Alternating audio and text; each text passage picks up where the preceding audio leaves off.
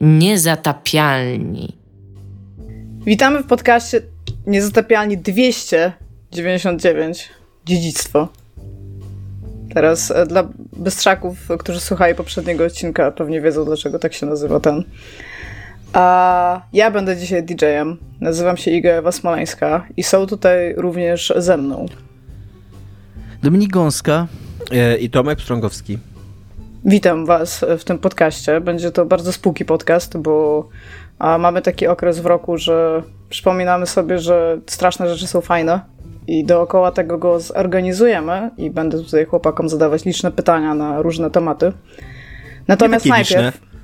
I te tematy nie są Policza... różne też. Jest to jeden temat, czyli horrory. I pytanie jest sześć. Ale... Dominik 6 to jest dobra Tomek liczba. maksywę Baskil ogólnie. liczba jak liczba, no. Bo przed podcastem dowiedzieliśmy się, że są do, dobre i złe liczby. 11 na przykład jest dobrą liczbą. I teraz się pytam, czy 6 też jest dobrą liczbą. A 6, ja rozumiem, Tylko że powiedziałem, że 11 to liczba pierwsza, więc ładna, że pierwsza. No, no, no, to, no to dobra, no. Tak, ale najpierw chciałam się zapytać, bo jako, że my zawsze jesteśmy z młodzieżą nieodmiennie i nieustannie od tych 299 odcinków, które nagraliśmy dopiero, a Tomaszu, co jest u ciebie grane? Bo ty dużo, dużo było u ciebie grane. E, tak, dużo było mnie grane. Jestem, nie pytajcie dlaczego jestem e, po uszy w świecie Snowpiercera, który jest strasznie głupi. Muszę, naprawdę. Ciągle nie rozumiesz tej e, bardzo zakopanej tak, metafory, którą jest sam Snowpiercer. Jest, bo jest komiks. E, nie będę mówił o Snowpiercerze, tylko chciałem powiedzieć kilka rzeczy o Snowpiercerze. Są komiksy o Snowpiercerze. Jakby w ogóle cała ta marka się wzięła od komiksów takich, nie? Tych komiksów są chyba cztery tomy, ja przeczytałem na razie dwa. I tam się dzieją naprawdę przedziwne rzeczy. Na przykład, nie wiem czy wiecie, ale jest drugi Snowpiercer, który jest większy, większym Snowpiercerem i zjada tego pierwszego Snowpiercera. Normalnie pociąg ten zjada mały pociąg? Snowpiercer jest później w środku dużego Snowpiercera. I tak sobie jadą. albo, albo okazuje się, że ten duży Snowpiercer... Ale po tych samych torach jadą? Właśnie, no tak, jadą, znaczy, no żeby no jadą jeden mógł zjeść drugiego, to bo... muszą być tak, jakby tak, na tak, tych tak, samym tak, torze, po tych tak? samych torach jadą, tak, tak. Okay. Natomiast okazuje się, że ten drugi Snowpiercer może mieć również e, gąsienice nakładane na koła. Więc po co on w ogóle się przyjmuje filtrami, nie wiem. Szkoda, że sobie o tym w środku drugiego domu przypominają, co nie? Że, to, że ej, mamy jeszcze gąsienicę, co nie? To jest, to jest, to jest miał, też taka metafora. Takie, takie, nogi mu wyskoczyły i byłby pociągiem pająkiem.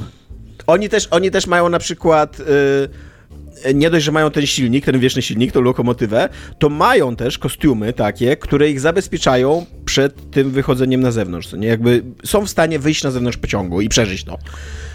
Dlaczego w związku z tym nie założą po prostu normalnej osady, która stoi w miejscu, tylko muszą jeździć tym cholernym pociągiem dookoła planety? Szczególnie, że już we Frostpunku, nie? To ogarnęli, że można postawić silnik na środku i jakby Tak, tak, no właśnie, no dokładnie. No, a, skoro, a skoro mają jakichś ludzi, którzy mogą nam zbudować jakąś osadę dookoła tego, no to, no to what the fuck, co nie? Muszą mieć silnik i muszą mieć dzieci do wysłania tak. do kopalni. I, jest I, i do silnika też. w Snowpiercerze, jakby tak. Może dlatego. Jaki jest problem z dziećmi w Snowpiercerze? Bo Taki, pamiętam że... z filmu, bo widziałem film, że tam jest jeden wagon, to jest taka klasa, jakby szkoła. Tak. Tak, i ty, ale nie dla tych najbiedniejszych, nie? Tak, właśnie w Snowpiercerze jest taki problem e, z dziećmi, że dzieci to jest, jakby, możliwość posiadania dzieci to jest przywilej, który tam tylko klasy wyższe mają i tak dalej, co nie? No. Jest dobra, ale nieważne. Jakby nie będę mówił o Snowpiercerze. To jest mój ulubiony uniwersum, kontynuuj. nie będę mówił o Snowpiercerze. Jestem zafascynowany tym, jak... To jest, to jest uniwersum, które się za, za, zasadza tylko na tym, że jest zima i ciuchcia. jak, jak płodny jest to pomysł, co nie? Bo, bo, powstały, powstały komiksy, powstał film i to film, kurde, nie byle kogo, jednego z najzdolniejszych reżyserów naszych czasów, co nie? Powstały, kurde, dwa, serie, dwa sezony seriali i będzie, i będzie chyba trzeci sezon jeszcze, co nie? Więc tam kurde, ciuchcia i zima, wow, nie, ludzie to lubią.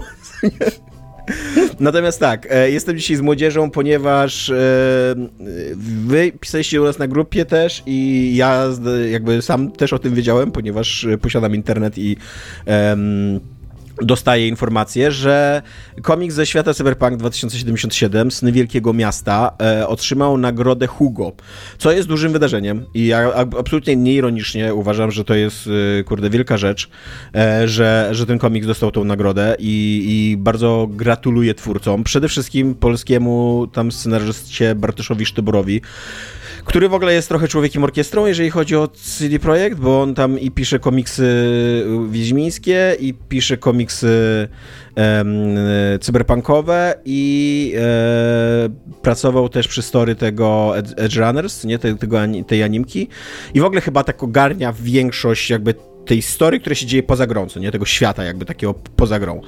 E, więc, więc tak, tam, tam rysunki jeszcze robili Filipe Andrade i Alessio Fierniello, e, a Kolory też nakładał polski twórca Krzysztof Ostrowski, którego możecie kojarzyć też jako rockera, bo w Cool Kids of Death miał, e, był dosyć ważną postacią, znaczy tam wszyscy byli ważni, tylko czterech było, nie? e, e, więc tak, więc jakby chciałbym powiedzieć, że, że, że tak, że wiem, że dostaje nagrody Hugo, jest to duże wydarzenie, że taki quasi polski komiks, dostał nagrodę Hugo i gratuluję. E, natomiast e, w związku z tym chciałem wam powiedzieć o tym komiksie. Ja nie wiedziałam, że komiksy dostają nagrody Hugo na przykład. To jest Dostają. Właśnie teraz już wiem, tak. Dostaje, jakby... w, ogóle, w ogóle te nagrody Hugo ma więcej nominacji, jakby, wiesz, kategorii niż tylko powieść i opowiadanie, co nie? To, ja znałem jest głównie z literatury. Tak, tak jak każda, tak jak każda duża nagroda, ona się rozrasta i tam coraz więcej rzeczy dostaje te nagrody, co nie? Ta nagroda Hugo dla komiksu nie jest jakoś bardzo prestiżowa, nie jest też jakby zupełnie bez znaczenia, bez przesady, nie? To nadal nagroda Hugo, ale są ważniejsze nagrody komiksowe na świecie. E, natomiast z tego, co wiem, to jest pierwsza nagroda Hugo, tak komiksowa dla, dla polskiego twórcy, znaczy dla komiksów, którzy byli zaangażowani polscy twórcy, nie? E, więc tak jak mówię, no duże wydarzenie, tam nie umniejszam temu, że, że ta nagroda tam nie jest komiksowa de facto, tylko właśnie tam powieściowa i, i, i tak dalej. Natomiast y, ten komiks to nie jest wybitny komiks moim zdaniem. I to też nie jest jakby takie, nie wiem, y, u, nie, nie, chcę temu umniejszać, bo wiele nagród Hugo poszło do rzeczy, które uważam, że są niewybitne też w literaturze i tak dalej, co nie? Więc tutaj wszystko się zgadza, jakby pod słońcem, co nie? E, bo to jest... Y, to jest historia Sny, Sny, Wielkiego Miasta, ona się nazywa. To jest taki króciutki tomik, e, który bardzo łatwo, szybko się czyta. On kosztuje 35 zł. Jak chcecie się dowiedzieć, co dostało nagrodę Hugo i jakby, że tam polscy twórcy i tak dalej, to kupcie to, przeczytajcie, nie będziecie żałować. Fajnie się doczyta, szybko leci i tyle, co nie? I, i, i 35 zł zapłacicie i będziecie do przodu, co nie? Natomiast tak jak mówię, jakby to nie jest moim zdaniem wybitny komiks, nie dlatego, że on jest zły, tylko dlatego, że on robi coś, co, co w ogóle robi CD Projekt um, w swoich historiach i na, o czym ja trochę pomyślałem sobie teraz, jak właśnie jak oni dostają tu nagrodę Hugo, przeczytałem jeszcze raz ten komiks, a przy okazji grałem Phantom Liberty i później po tym Phantom Liberty jeszcze grałem ze 40 godzin normalnego cyberpunka, e, bo tak nie wkręcił i sobie trochę, trochę się zastanawiałem jakby jak, jak to działa, ta, ta fikcja, którą on tam tworząc, nie? To jest taki komiks o, oczywiście o tam Edge Runnerach albo cyberpunkach, zależy w którym roku. Samo. Czy, czy jesteś w 2021 roku, czy w 2023. e, o takiej, takiej dwójce, dziewczynie i chłopaku, którzy oczywiście tam mają wielki, y, wiel, wielkie ambicje, co nie, i chcą zostać prawdziwymi graczami w Night City i tak dalej, nie? Na razie zajmują się jakąś taką drobnicą, czyli tam kradną, kurde, ciała z kostnicy i chipy z nich y, wycinając, nie, z tych ciał i, i handlują nimi na czarnym rynku, nie? No i ta dziewczyna, która jest super ambitna i tam super e, nakręcona na właśnie wielką karierę i tam obcowanie z wielkimi fikserami, z wielkimi nazwiskami i tak dalej, co nie? Cały czas naciska na to, że oni muszą robić coraz większe skoki, coraz większe pieniądze zarabiać, coraz sławniejsi być i tak dalej, co nie? Taką właśnie tą machinę ambicji, dookoła której też się kręci cały Cyberpunk 2077, co nie? Że to jest taka autostrada w ogóle do, do nieba, co nie? Ten Night City, tylko że mnóstwo ludzi ginie na tej autostracie, co nie?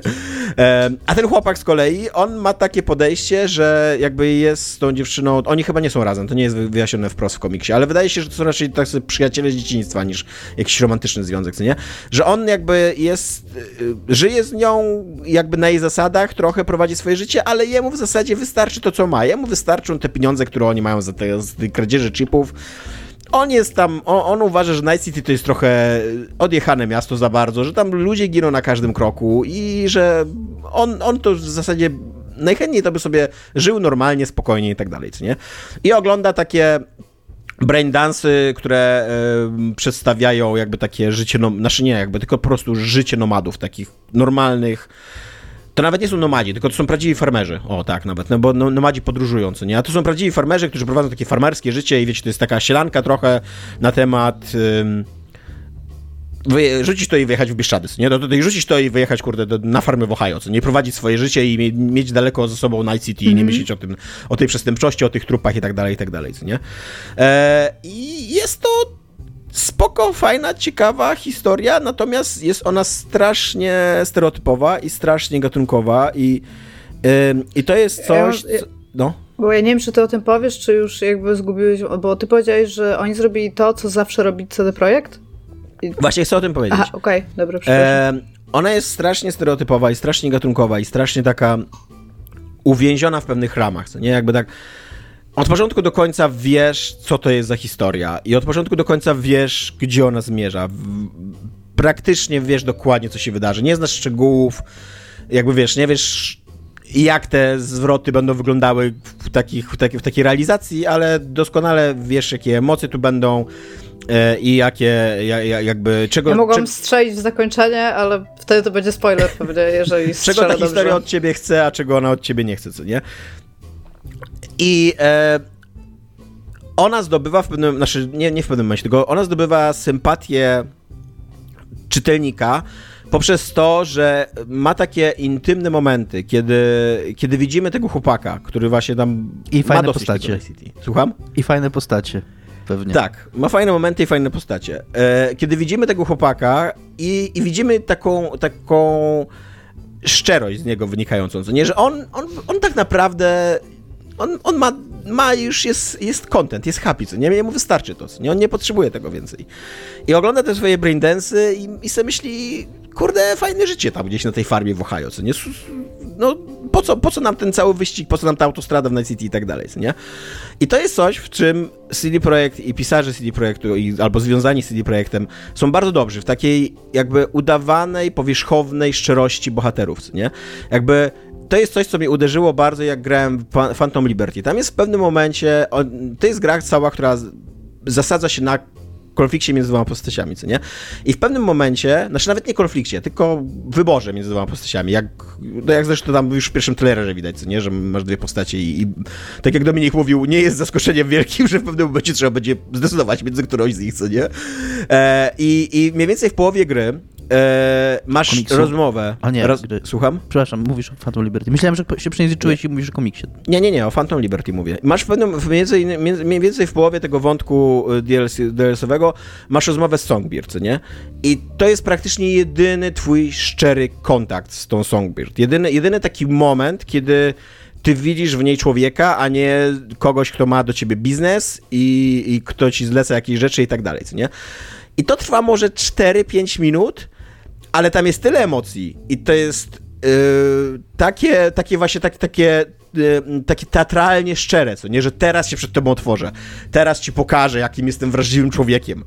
I e, że, że jakby, że CD Projekt zawsze stawia, że teraz, teraz się przywiąże do tej postaci. Teraz, od, od teraz my cię mamy już na wędce, co nie? I to jest coś, co oni robią też e, w wątku romantycznym z Judy, że teraz idziemy popływać i ja ci opowiem o moim starym mieście. Zobaczcie, jaka jestem szczera i otwarta, co nie? To jest coś, co oni robią w wątku z Kerym, że teraz będziemy płynąć teraz na tym jachcie i ja ci pokażę, jakim jestem wrażliwym człowiekiem za tym, e, e, za tym całym rockerem, co nie? To jest to, co oni robią też w wątku z tym Riverem, co nie? Gdzie tam wejdziemy sobie teraz na, na, na, na górę, na tego tam, jak się nazywa, zbiornik retencyjny, to jest chyba, czy coś takiego? No to, to wieże takie jak mają Warner Bros. Na Tak, na wieży ciśnień, ciśnień, no. tak, i będziemy patrzeć na miasto i będziemy sobie tu szczerze rozmawiać i, i ja ci powiem coś o sobie, co nie? I A nie to jest coś, Bo to ja jest coś, no, No, przepraszam. Dobra. to jest coś, co ja kupuję w grze, wydaje mi się, że dlatego, że ja w tym uczestniczę, co nie? Że ja jakby jestem e, częścią tej rozmowy, co nie? I jak widzę dobrze napisany dialog, jak słyszę ten voice acting tych bohaterów, widzę te postaci i, i właśnie to, co oni robią tam w tej scenie, że oni się tam chodzą, że się odwracają od ciebie, że te sceny są świetnie wyreżyserowane i tak dalej, to to ja w to wierzę, w to wchodzę, co nie? Natomiast jak to widzę w komiksie, to to jest dla mnie strasznie widoczne i takie strasznie sztuczne. Ale to jeszcze od kiedy to jakby zidentyfikowałem i sobie zdiagnozowałem, co nie, to ja to widzę wszędzie teraz praktycznie. I, I jak myślę sobie wstecznie o Cyberpunk 2077 e, i jak myślę e, o... Kurde... Johnny Silverhand, co nie? Jedna scena, którą, którą mamy Johnny Silverhand. Jak on po, po którymś tam questie, nie pamiętam, którym ma nagle Na takie wysypisku? załamanie i zaczyna tak złorzeczyć na świat, co nie? Jak mówi, że jak, jak naprawdę musimy obalić system, co nie? To też to są... To, to nie jest budowanie, moim zdaniem, autentycznej więzi z bohaterem, tylko budowanie takiej iluzji więzi poprzez bardzo sprytne manipulowanie emocjami, co nie? Odbiorcy. I ten komiks też to robi. Tylko, że tak jak mówię, no jakby komiks nie jest interaktywny, ja nie jestem w tej grze, znaczy ja nie jestem w tym komiksie, nie jestem, to nie jest FPS, ja nie mogę tam łazić po tej rozmowie, nie, nie, nie strzelam się po niej i tak dalej. I ja tego po prostu nie kupuję. Czekaj, nie, nie, nie masz strzelać w tych miejscach, Tomek. Tomek, wady, y, minusy Tak. komiksu, nie można strzelać, Tak. nie jest FPS. Tam, Szybor ogarnij się. Sztybor. Sztybor, przepraszam. E, to też nie jest tak, przy okazji ja musiałem wam powiedzieć, że to też nie jest tak, że ja właśnie jakoś e, nie cenię sobie twórczości Bartosza Sztybora albo coś takiego, bo, bo cenię, uważam, że on jest w ogóle świetnym scenarzystą i, i ma właśnie bardzo dobry warsztat pisarski, nie? Tylko uważam, że to cała jakaś taka, nie wiem, em, CD Projektowa szkoła tworzenia postaci i tworzenia więzi emocjonalnych z tymi postaciami, to jest takie bardzo sztuczne, podręcznikowe, właśnie takie bardzo rzemieślnicze.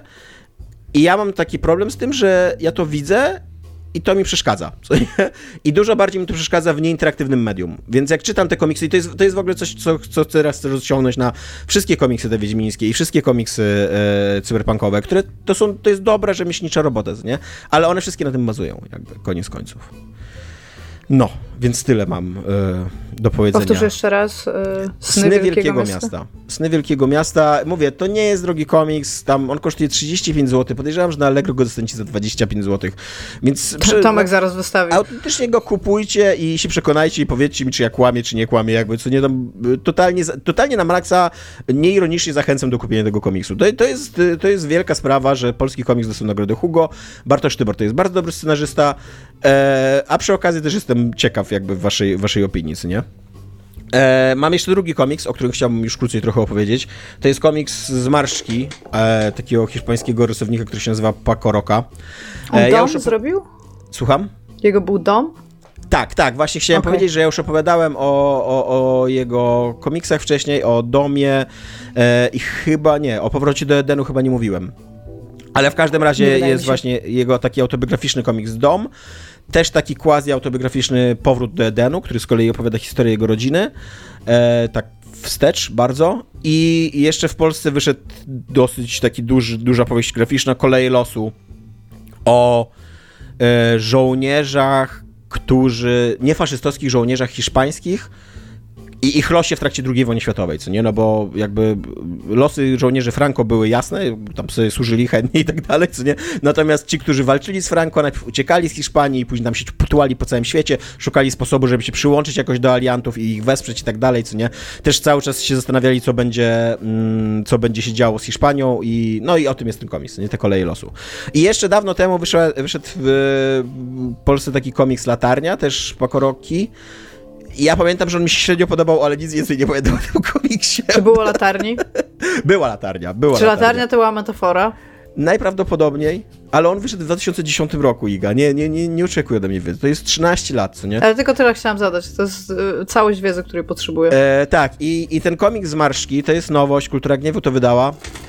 To jest historia o starszym mężczyźnie, który przez całe życie prowadził bardzo ułożone życie jako pracownik banku.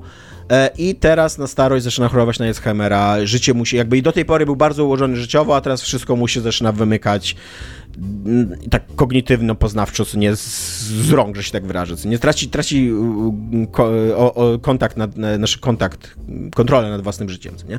I e, rodzina go mm, wysyła do takiego domu starców, nie tylko dlatego, że rodzina się chce go pozbyć, ale też jakby dla jego dobra, no bo coraz trudniej pamiętać o niektórych rzeczach, to, to, to może być niebezpieczne dla niego i tak dalej, nie?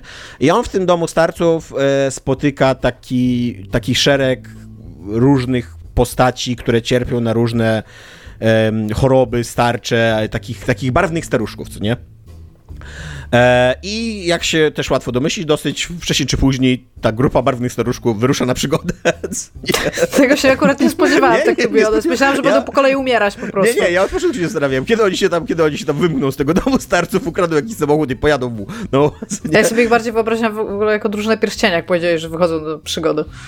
Totalnie, jakiś taki właśnie quest. Poszli do jakiegoś no. NPC, kazał im tam, nie wiem, zebrać 40 skór wilków i Ale to byłby super RPG, jakbyś startował z domu starców, gdzie oddaje cię rodzina i, i masz różne, no, różne dolegliwości trapią tych twoich ziomeczków, których masz w drużynie, więc też mają jakieś zdolności w związku z tym.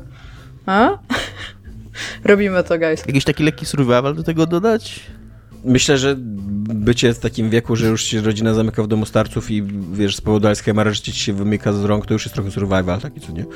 To na koniec mógłby być twist, że to wszystko był sen. Zaspoilowałeś naszą grę, dzięki Dominik. Nawet jeszcze nie powstała, już się nie mogłeś powstrzymać. E, I tak, to jest, to jest taki komiks, który jest trochę rozparty pomiędzy taką ciepłą komedią, właśnie o takich ekscentrycznych staruszkach, a dosyć taką realistyczną i okrutną historią o demencji i chorobie Alzheimera, o tym, że zapominasz, kim jesteś de facto i, i co się dzieje, i właśnie tracisz totalnie kontrolę ze swoim życie, nad swoim życiem. E, I to jest fajny komiks, jakby ja go polecam, natomiast uważam, że to jest jego wada, że, że twórca nie zdecydował się na jeden ton, bo to jest to jest trochę tak, że on ani nie jest szczególnie dramatyczny, ani nie jest szczególnie zabawny. I tak, tak, tak lawiruje po środku i w koniec, koniec końców miałem takie, e, no dobra, no fajna historia, ciekawa, super, że ją przeczytałem, ale jakoś nie złapała mi za serce, co nie? Bo mówię, ani się, ani się przy niej super nie, nie, nie, nie śmiałem, nie bawiłem i nie uważałem, że o, ale, ale super ci staruszkowie, co nie? Ani mnie ona nie wzruszyła jakoś bardzo, nie złapała za serce, że o kurde, ale beznadziejna jest ta starość, co nie? E, więc takie tam 6 na 10 bym powiedział, co nie? A długi jest? Nie, nie, jest, jest krótki do przeczytania w tam, nie wiem, godzinkę, jeden wieczór, ale jest bardzo ładny, jest, jest bardzo takie spokojne, naturalne kadrowanie i narracja prowadzona. To jest taka miła, dobra, dobrze spędzona godzina czytania komiksu, nie? Od znanego, uznanego autora, kurde, nie jednego tam z najwybitniejszych europejskich komiksiarzy, no, totalnie jak chcecie mieć takie, nie wiem, hipsterski, hipsterski wieczór, to nie kupcie ten komiks, przeczytajcie go i będziecie później się chwalili w podcaście, że kurde, przeczytaliście komiks Pakoroki. Można go zostawić jeszcze na stoliku, jak ktoś przyjdzie, tak. to zawsze można tak. pokonwersować na jego temat. Zdecydowanie, zdecydowanie, zwłaszcza, że tak, że on, że on ładnie wygląda i jest taki właśnie bardzo tradycyjny, jak Tomek się zapalił, tutaj słuchacze nie wiedzą, coś, to... ale tam błysk w oku tam był. nie, bo, bo uważam, że tutaj Dominik wpadł na bardzo dobrą myśl. To jest, to jest taki komiks, bo przy, bo przy, przy okazji ta taka twórczość, taka, takich stolików do kawy, ona właśnie też nie może być taka zbyt angażująca i zbyt jakby emocjonalna, nie? Bo to musi być coś, co jak gość czeka na kawę, to właśnie weźmie, przekartkuje, pomyśli, o, nie straciłem tych tam dwóch minut twojego życia, ale z drugiej strony mogę to odłożyć i już wypić kawkę i pogadać z gospodarzem, co nie? I to jest trochę też taki komiks, że tam, o, o, ciekawy ten komiks, o, ho, ho, tutaj staruszki, o, smutno demencja, co nie? O, tutaj ucieka, o, dobra, zamykam, co nie? I już pijemy kawkę, co nie? Komiks nazywa się Zmarszczki, na, na, zrobił go Paco Roca. No dobrze, skoro już mówimy o różnych emocjach, bo tutaj co najmniej smutek, demencja i o śmiesznie uciekają padło. A, a mamy też okres Halloween. A to chciałam się was zapytać trochę o, o horrory, szczególnie, że już chyba wszyscy w tym momencie, jak tak a, Kiedyś było tak, że wy nie chcieliście grać te horrory, ale potem zadziały się rzeczy i zaczęliście grać w horrory. Jesteśmy już grający w horrory, byście powiedzieli? Tak? Tak? Spoko, super. No, tak, powiedzieli. No nie wiem, no ja bym tak powiedziała, no uznaję już nas za Nie unikam, ja bym powiedział tak, nie unikam. Y... No, może nie tak, że wyszukujecie teraz, tak. sobie pograł w horror, ale jakby, jakby co, to już nie jesteście przynajmniej tacy, nie, nie lubię się bać. Więc jesteśmy krok dalej. Więc chciałam się was zapytać, bo nie wiem, czy mi się wydaje, że każdy z nas w naszym wieku, jak był młodym albo małym dzieckiem nawet, to widział jakiś horror, albo w ogóle jakiś taki nawet, może, może nie stricte horror, ale jakiś taki thriller albo coś takiego, jakiś taki film, którego trochę poorał. I na przykład e, długo z, z wami został, e, tam przez życie. A ja sobie tutaj wypisałam kilka takich filmów i mam wrażenie, że one się pewnie mogą powtarzać. Nie wiem, czy nie mieliśmy przypadkiem dostępu do tych samych treści, po prostu dorastając, bo tak też mogło być. Ale mam tutaj wpisane na przykład Szczęki. I moment w szczękach, gdzie mówili o ciele, które ugryzł rekin i nie miał dolnej połowy ciała i pamiętam nawet, że podskakiło na wodzie jak Wańka wstańka, to nawet zapamiętałam jako cytat. To bardzo się potem bałam pływać, bo jak wiadomo w Zatoce i w Polskim Morzu jest mnóstwo rekinów. A Crittersy Ostatnio w ogóle też e, reoglądałam sobie, Crittersy sobie powtórzyłam i zaskakująco dużo pamiętam z tego filmu, ale to było to, co wiecie, jak dzieci się boją e, spać, żeby noga wystawała albo ręka wystawała spod koca? To Scena w Crittersach w stodole, gdzie ziomkowi skacze na taboret i odgryza stopę razem z tym taboretem, kawałkiem, takim tym. To, to był powód, dla którego ja się bałam spać z nogami poza kołdrą. Bo to pamiętam, że przyjdzie Critters. A nie myślałeś o tym, żeby nie spać na taborecie? No właśnie, rodzice mieliśmy tylko taboret, Tomek spaliśmy wow. na zmianę. to był. I jeszcze taboret, w tej rzece tak dobrze, moi rodzice mieli tylko nogę od tego taboretu. I bali się ją wystawić za koc, nie? Żeby nie przyszedł Critters. Ale tak, obejrzałam sobie ostatnio Crittersy, nie wiem, czym była taka przerażona, ale no jakby tak.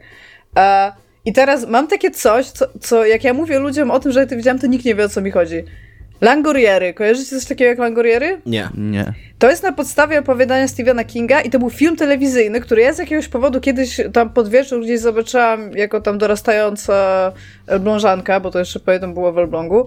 I to jest, e, premis tego jest taki, że kurde, teraz czy ja nie zaspoiluję filmu z jakiegoś lat 80. Ogólnie ludzie lecą w samolocie i w pewnym momencie jak się budzą, to nie ma ludzi w tym samolocie, tylko są takie jakby szczątki ludzkie typu peruka, rozrusznik serca, sztuczna szczęka zostają na miejscach jakby ci ludzie znikają. I to jest premis potem rozciągnięty na poza tym samolotem. I ja pamiętam, że to było takie coś, że na przykład jak ja się obudziłam później i patrzyłam przez okno i nikogo nie było, to ja się bałam, że ja jestem w tym świecie langurierów. To są takie stworzenia, które tam istnieją w tym świecie. Więc to strasznie mnie tam na jakiś tam czas zorało. I Coś, co tak wizualnie mnie najbardziej zorało z filmów takich popkulturowych, to był Cmentarz Zwierząt, to pewnie znacie i pamiętacie. Tak. To była książka Stephena Kinga i tam też był film. I o ile ten film sam z siebie mnie nie zorał, to tam były takie przebitki na to, że ta żona głównego bohatera miała siostrę, jak dorastała i ta siostra była jakoś strasznie chora i zdeformowana. Zelda się nazywała. I były takie przebitki na tą siostrę, jak jej matka ją karmi. I pamiętam, że to mnie strasznie orało, te, te, te, sceny. Teraz jak to oglądam, to nie wiem czemu, ale jakby stra strasznie to ze mną na długo zostało. Więc ja sobie wypisałam takie cztery główne rzeczy, które mnie poorały, jak byłam ma. Aczkolwiek ja... w ogóle też oglądałam dużo horrorów, jak byłam mała z jakiegoś powodu, więc... Ja nie oglądałem praktycznie w ogóle horrorów, więc mam bardzo krótką odpowiedź na to pytanie, ale chciałbym wykorzystać swój czas i zanim do niej przejdę, chciałbym pogadać o cyberpunku. Nie, tak cię Cyberpunk? Tak serio, to przyszło mi coś, coś, do głowy, jak Tomek gadał o tym drugim komiksie, a już nie chciałem mu się Naprawdę wcinać. tam idziemy, okej, okay, jakby Nie chciałem let's go. się wcinać, tak, bo miał dobry flow, no, tak, tak, tak. pomyślałem o tych postaciach, bo ja na przykład szczerze uważam, że CD Projekt pisze fajne postacie w swoich grach, nie czytałem ich komiksów.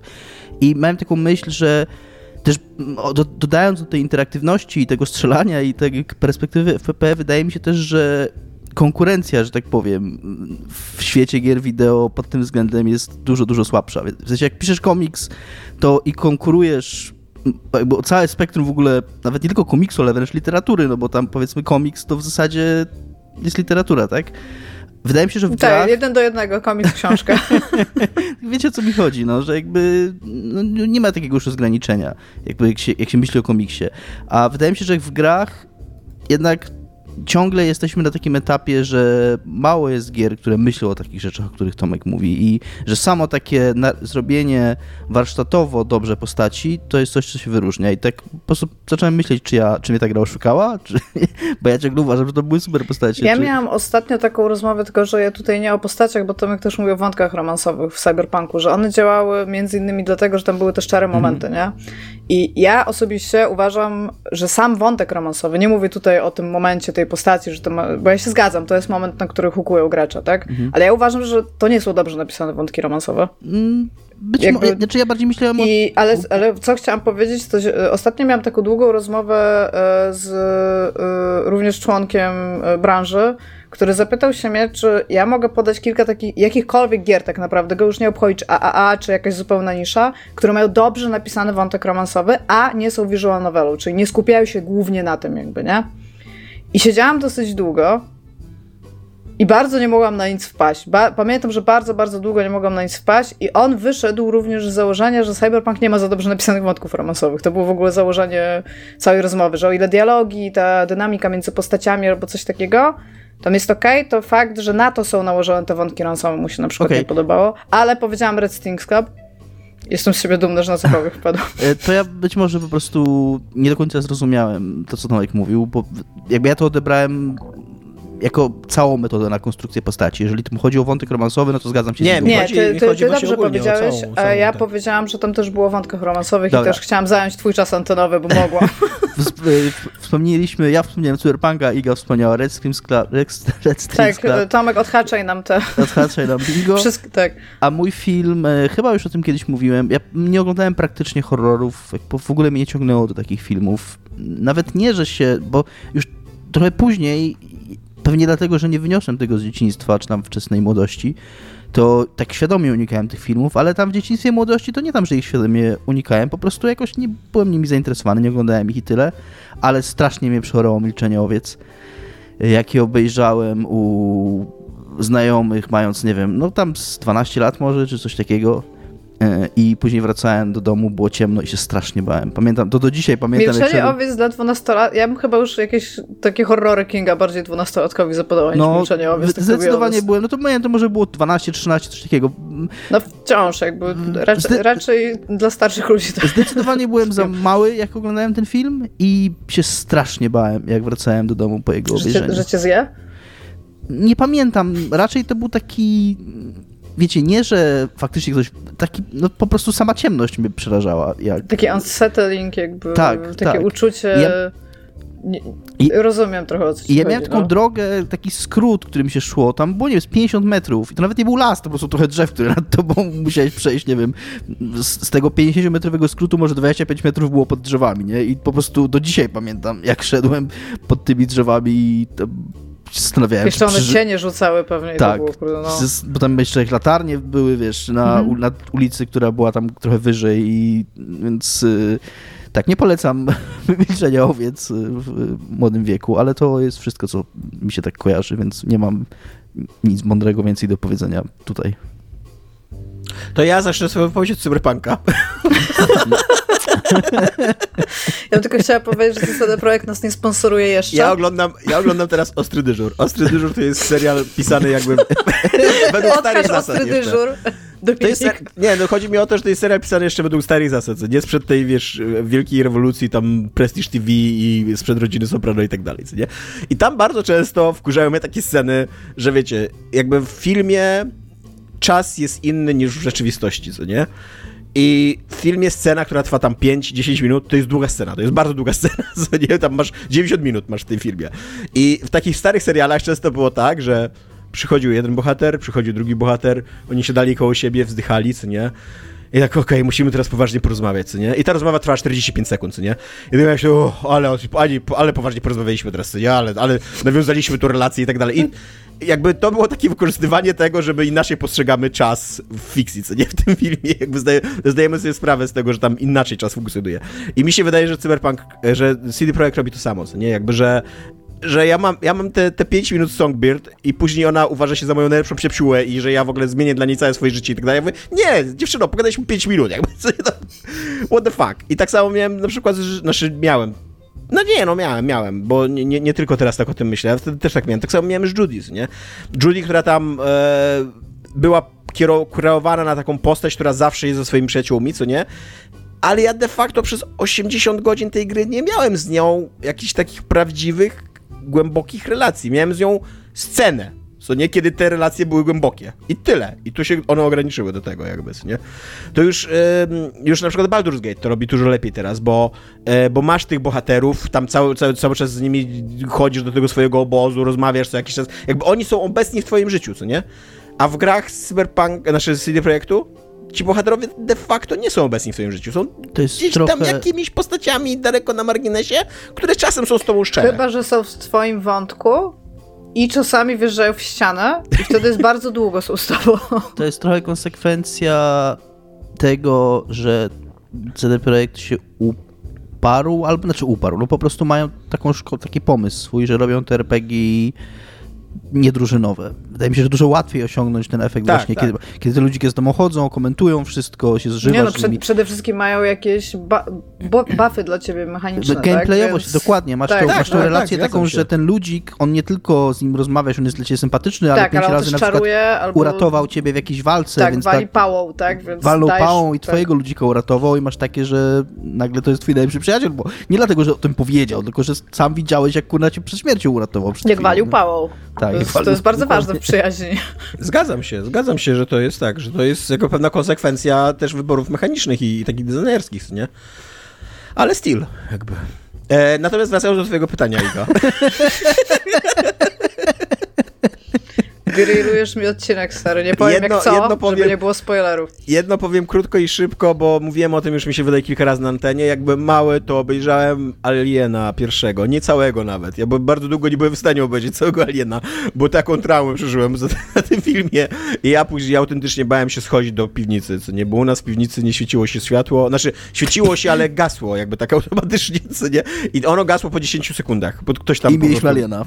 Bez, beznadziejny w ustawieniu tego, tego czynnika. Nie, ja miałem umowę z Bogiem, że mam 10 sekund życia, jakby, że mogę w 10 sekund dobiec do swojej piwnicy i się w niej zamknąć. I wtedy Ali mnie nie zabije. Ale byłoby super, jakby Tomek taką długą tyradę, że światło, które nie działało, a poza tym mieszkał tam alien. Mieliśmy ksenomorfa w piwnicy. tak, tak. I, I, ja autentycznie biegłem do piwnicy, zamykałem się w niej, nakładałem ziemniaki i później musiałem, to później wyjście było trudniejsze, bo ja już z tymi ziemniakami miałem 10 sekund, żeby otworzyć drzwi, zamknąć te drzwi, złapać te ziemniaki i wybiec jeszcze na, na piętro, co nie? Więc tak, więc to ja żyłem na krawędzi, co nie, jako dzieciak. Jeżeli chodzi o ksenomorfy, to bywało niebezpiecznie. Natomiast to, co mnie bardzo porało i to już dosyć późno. Ja miałem wtedy, kurde, nie wiem, z 12-14 lat, jak obejrzałem pierwszy raz Pulp Fiction. Pulp Fiction to nie jest horror, co nie? Natomiast... Chyba o to mi chodzi, czy coś was, że to nie muszą być horrory, Natomiast tak? jest tam taka postać, która się nazywa Pokrak. Yes, Ta postać, my poznajemy tą postać, także jest sobie skrzynia. Są tam dwaj gwałciciele, którzy otwierają tą skrzynię i z niej wychodzi typ zamknięty cały w taki BDSM skórzane wdzianko, co nie? To jest coś, co mnie zawsze w ogóle... Jak wygląda życie pokraka jakby poza tym, poza tym momentem? Czy on jest trzymany w tej skrzyni przez całe życie? Czy on jest ich niewolnikiem? Czy on bierze udział w tym jakimś takim miłosnym trójkącie? Czy on... Czy on po prostu jest po prostu, bo jeżeli on jest niewolnikiem, jeżeli on siedzi w tej, w tej, w tej skrzyni non-stop, jest wyjmowany tylko po to, żeby być gwałconym albo gwałcić, no to to jest w ogóle dla mnie straszny koszmar. Jako, ja autentycznie przeraża mnie myślenie o tym, co nie, o implikacjach tej, tej tam krótkiej sceny z Pulp co nie, jak wygląda życie pokraka.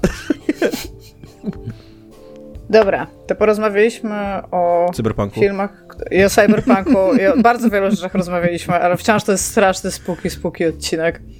A więc porozmawialiśmy chwilkę o filmach takich e, jakby sprzed daty pewnie większości słuchaczy.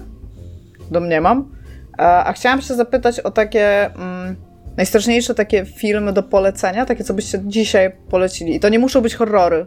Jakby to, jakieś takie film, filmy, które cię zostawiają z jakimś takim może uczuciem jakby nie, nie okej, okay, żeby tak to może rozszerzyć, e, które można by było na przykład obejrzeć z kimś Halloween, bo to jest dobre teraz to polecić.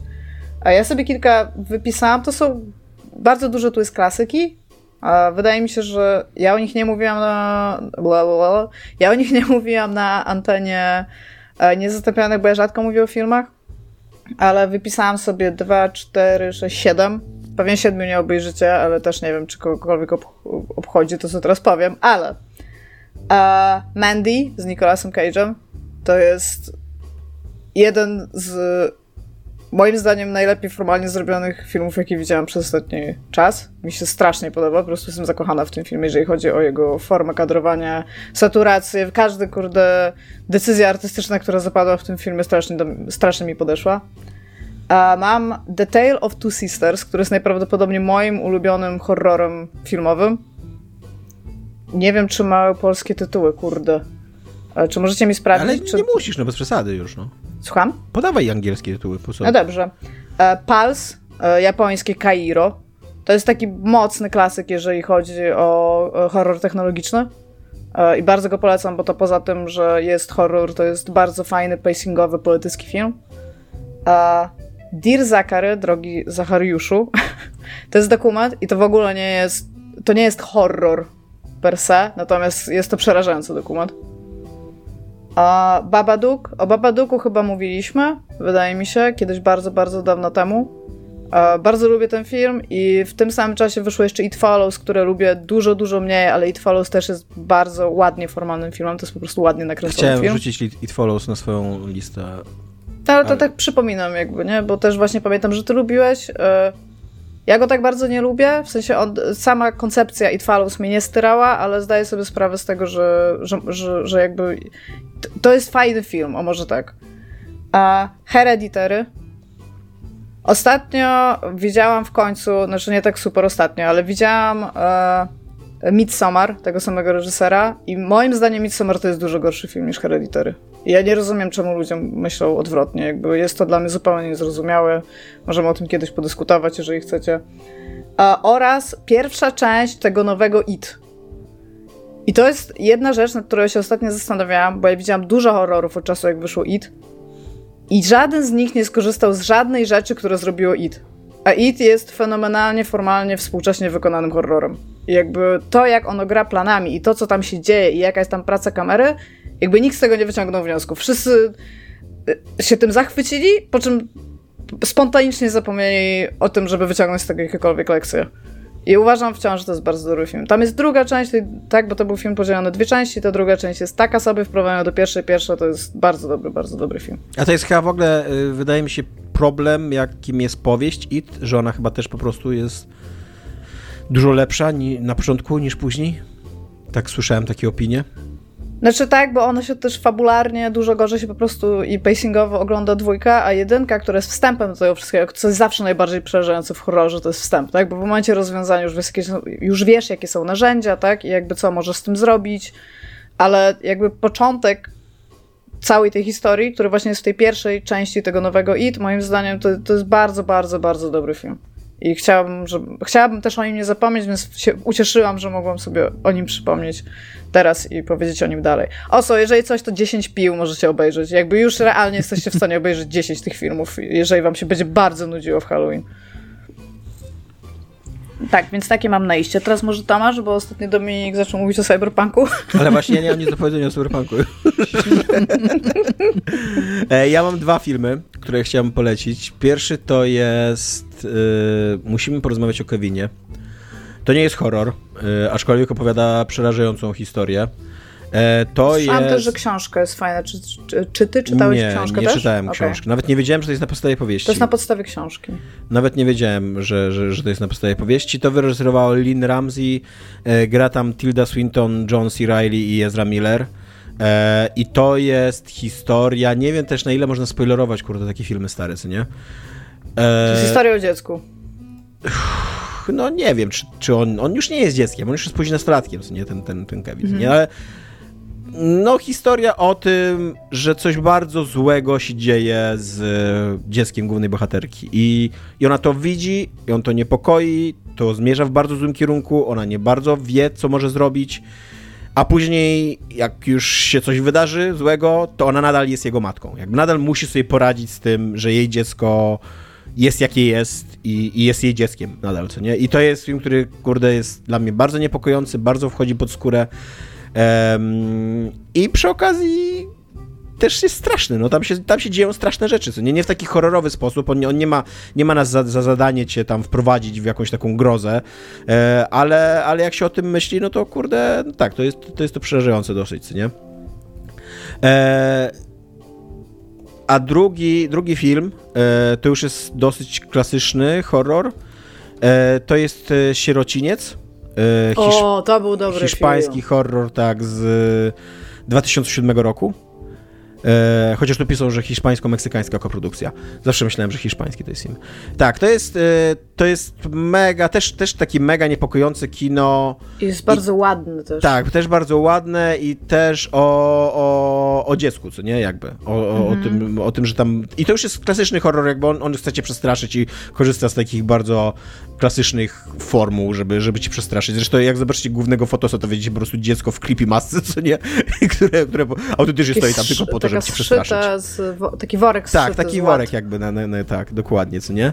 E, I on ma bardzo, bardzo dobrego twista na końcu. To nie jest nawet taki twist, który jest taki strasznie zaskakujący, ale to jest taki, taki właśnie twist, On jest bardzo ładnie zbudowany. Tak, który ja lubię. On jest tak fajnie, bardzo ładnie zbudowany, że oglądasz go i mówisz, a to o to chodziło, to ma tyle sensu, jakby, co nie? Mm -hmm. To wszystko, co się wydarzyło. E, więc tak, więc, więc to są dwa... I on nie jest też tani, on jest naprawdę dobrze budowany. Tak, to nie jest tak. taki tani no, I on, tak, też, ale... y, on też się mierzy z bardzo trudnymi emocjami, co nie? Bo jakby tam, no w ogóle wszystkie emocje jakieś tym związane z ze strasznymi dziećmi albo krzywdą wobec dzieci są trudne, co nie? I on bardzo dobrze się z nim mierzy, moim zdaniem, nie? O, to, to moje dwa. Dominik? Ja też nie mam nic do powiedzenia o Cyberpunku tym razem. Natomiast y, też nie jestem, jestem chyba jeszcze gorszą osobą od Tomka do pytania, znaczy jeszcze gorszą. E, w sensie... Jaki drive-by W sensie w ogóle nie jestem koneserem horrorów filmowych, bo ja się też o tym mówiłem parę razy, ja się do gier horrorowych bardziej mechanicznie przekonałem, że mnie ta, mnie ten mechanizm survivalu ciągnie do tych gier i ten, taka, takie te emocje związane z tą taką właśnie z tym liczeniem naboi, z tym, że każda decyzja jest ważna, to, to jest coś, co mnie cieszy w grach horrorowych, a w ogóle nie poszło mi, za tym otwarciem się na horrory growe nie, poszła, nie poszło moje zainteresowanie filmami. Chociaż trochę próbowałem i absolutnie zgadzam się z Igą. Ja do dzisiaj pamiętam Babaduka. Bardzo mi się ten film podobał. Bardzo mi się podobał również, że jako człowiek nieznający horrorów ten film się okazał zupełnie czymś innym niż się spodziewałem. Mm, bo nie straszył mnie w żaden tani sposób i nie był w żaden sposób dla mnie stereotypowy i no bardzo, bardzo jakby miłe mam wspomnienia z nim, wspomnienia z nim związane. Cieplutko cię, jak myślisz o Szczerze mówiąc tak, szczerze mówiąc tak. to, była takie, to była taka fajna groza, to była właśnie taka groza, która była niepokojąca, ale nie była taka, żeby, żeby była straszna, że tak powiem. I to, mm -hmm. jest coś, to jest coś, co do mnie trafia. Co ja tu jeszcze mam? Y, zgadzam się. Aha, całkiem niedawno w swoim życiu, a mam. Mówiąc niedawno, mam na myśli pewnie jakieś w ciągu ostatniej dekady. tak naprawdę. Bo tak się już liczy. Czas niedawno. przestał istnieć po pandemii ogólnie, Tak, więc... nawet trochę wcześniej przestał istnieć, jak już się ma 40 lat.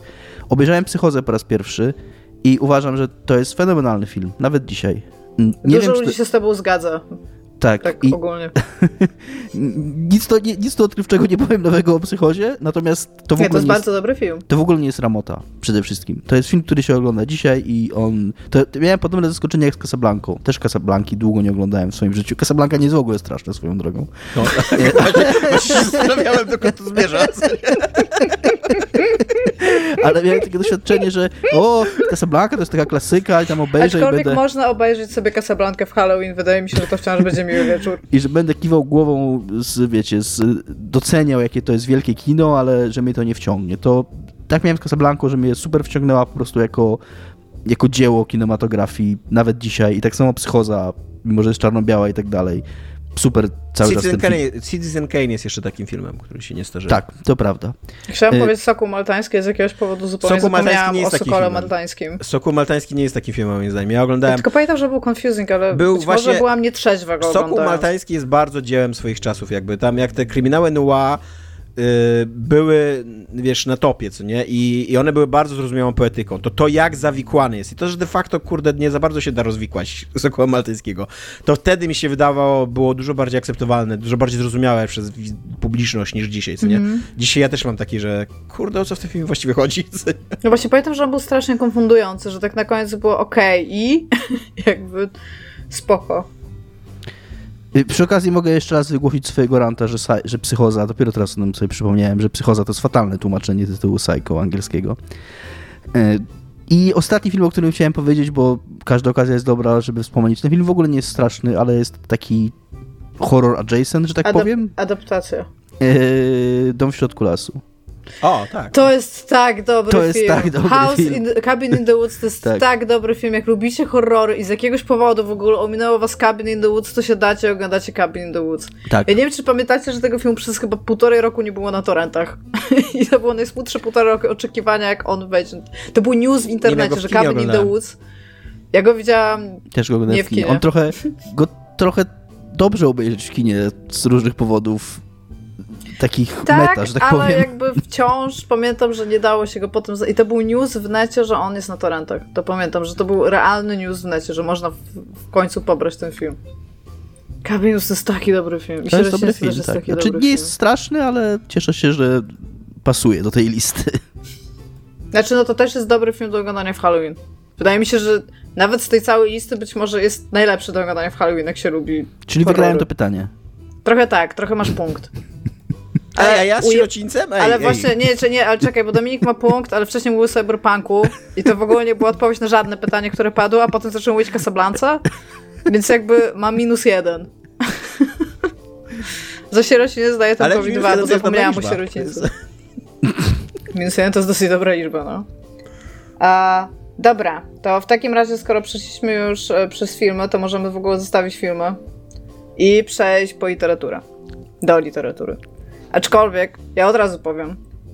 I ja, w to, ja już to trochę przestałam wierzyć jako dorosła osoba. Bardzo dużo ludzi mi bardzo często mówiło, że jak czytali jakąś książkę, to strasznie się bali. I miałam na przykład e, taką, to była moja nauczycielka, która, e, ona to taka bardzo młoda nauczycielka, nie było super różnicy wieku pomiędzy nami. Ona miała e, takie coś, że ona bardzo lubiła czytać horrory i na przykład polecała mi jakąś książkę i mówiła, że jak ją czytała, to czytała ją w nocy i potem musiała siedzieć do rana przy zapalonym świetle. Ja w ogóle tak nie mam z literaturą. Ja się nigdy nie bałam literatury. Ja czasami jak coś jest takie jakieś no nie wiem, no może właśnie nie straszne, ale jakieś takie dziwne albo coś takiego, to, to, to jest wciągające, ale nigdy nie miałam tak, że realnie super się bałam literatury. Więc ja tutaj mam do polecenia kilka książek w klimacie horrorowym albo jakimś takim, no właśnie yy, takiej dziwnej fikcji, tak? Nie wiem, czy weird fiction się tłumaczy na dziwną fikcję? Nie, nie wiem. No właśnie chyba nie. Wydaje mi się, że to by było dziwne. Dziwne. Ale dobra. Ale w każdym razie takie książki, które jak, z jakiegoś powodu zostały ze mną, czy przez sceny, czy przez sam premis ogólnie tego, co się w nich dzieje. A ty mówiąc, y, bo weird fiction to jest gatunek literacki, co nie? Tak. Ten, ten taki Lovecraftowski dookoła. Tak, tak, tak. No właśnie, ale też e, potem rozszerzono o taki świat, który niby jest nasz, ale tam się dzieją jakieś rzeczy właśnie tak jak u Lovecrafta, tak? Bo jest jeszcze jakby współczesna odnoga tego, to jest New Weird, co nie? Tak, to nie, nie, chyba nie za bardzo o to mi chodzi, bo to są takie, to co ja, to, te książki, o których ja mówię, to one mają albo klimat horrorowy, albo są horrorami de facto, albo bazują na jakimś takim, nie wiem jak to powiedzieć, jakimś takim zachwianiu rzeczywistości, że tam jest jakiś element niesamowitego, ale jeszcze nie na tak duży, żeby można to było nazwać horrorem. Jest tam trochę grozy, albo to jest jakieś dziwne, tak, ale nie jest to stricte horror, tak gatunkowo. No w każdym razie, e, Dom z liści, który jest w ogóle meta książką, i to jest jedna z moich ulubionych książek. I, I, to jest długa książka, i tam są momenty, w których jak bohater wchodzi w labirynt, to nagle jest 500 różnych definicji jakichś rzeczy na następnej stronie. Trzeba się domyśleć, którędy trzeba czytać, jakby, żeby się dowiedzieć, co się dalej dzieje. Albo jak wchodzi w puste miejsce, to nagle dostajemy puste strony w tej książce. Jest po prostu fenomenalna do czytania, i to jest fenomenalny artefakt, żeby go mieć w formie papierowej w domu. Więc Dom z liści w ogóle polecam nawet dla ludzi, którzy nie lubią horroru. To jest po prostu fenomenalna książka, a która jest horrorem. Malowany ptak to jest chyba lektura w szkole, więc jeżeli ktoś nie czytał, to można do tego usiąść. Ale to jest książka, która ona mnie do końca życia zostawiła z takim wrażeniem zła w ludziach. I nie ma chyba nic bardziej przerażającego od faktu, jak bardzo my jesteśmy złymi istotami, jak mamy tylko jakikolwiek powód, żeby tymi złymi istotami być. Jak łatwo w ogóle nas do tego skłonić, żeby być złym. Z, złymi ludźmi. A dla, w takim dużo może bym powiedziała mniej subtelnym klimacie, no ale to Masterton, tak? Jakby wydaje mi się, że jeżeli ktoś czyta horror, to sobie zdaje sprawę z tego, jak pisze Masterton. On ma taką książkę, którą ja chyba czytam z trzy razy i ona w ogóle w żaden sposób nie jest wybitna. Jest tam o świniach, których stara się wszczepić świadomość ludzką i nazywa się Ciało i Krew.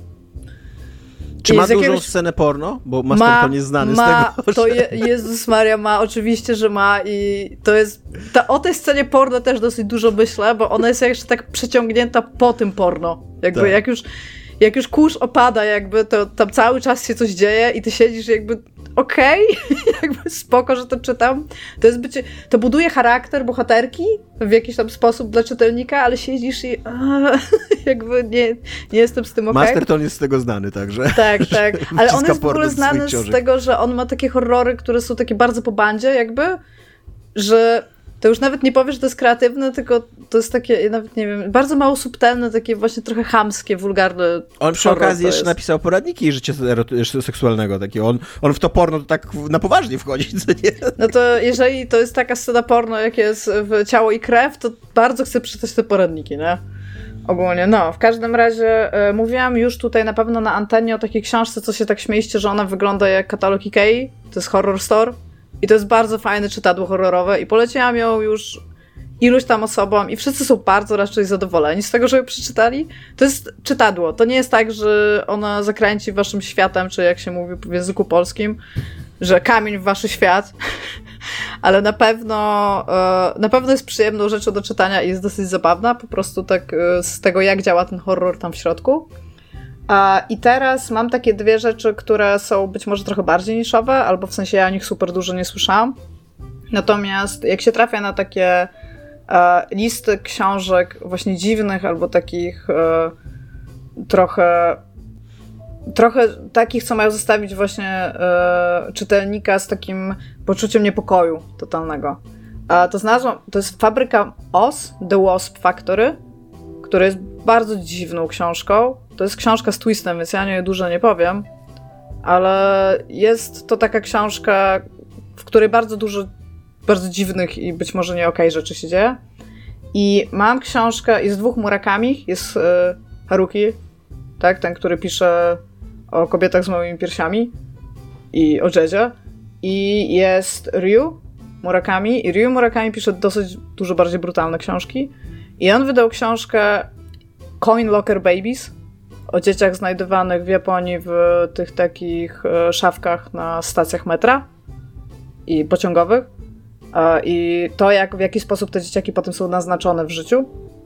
I to jest moim zdaniem dobra książka. Ja ją przeczytałam już jakiś czas temu, bardzo często ją wspominam i o niej pamiętam, więc na pewno, na pewno jestem w stanie powiedzieć, żeby ktoś ją przeczytał. Jeżeli, jeżeli lubi nie czytać takich normalnych książek, w którym wszystko idzie zupełnie logicznie, tylko takich, które zostawiają go z takim poczuciem niepokoju właśnie.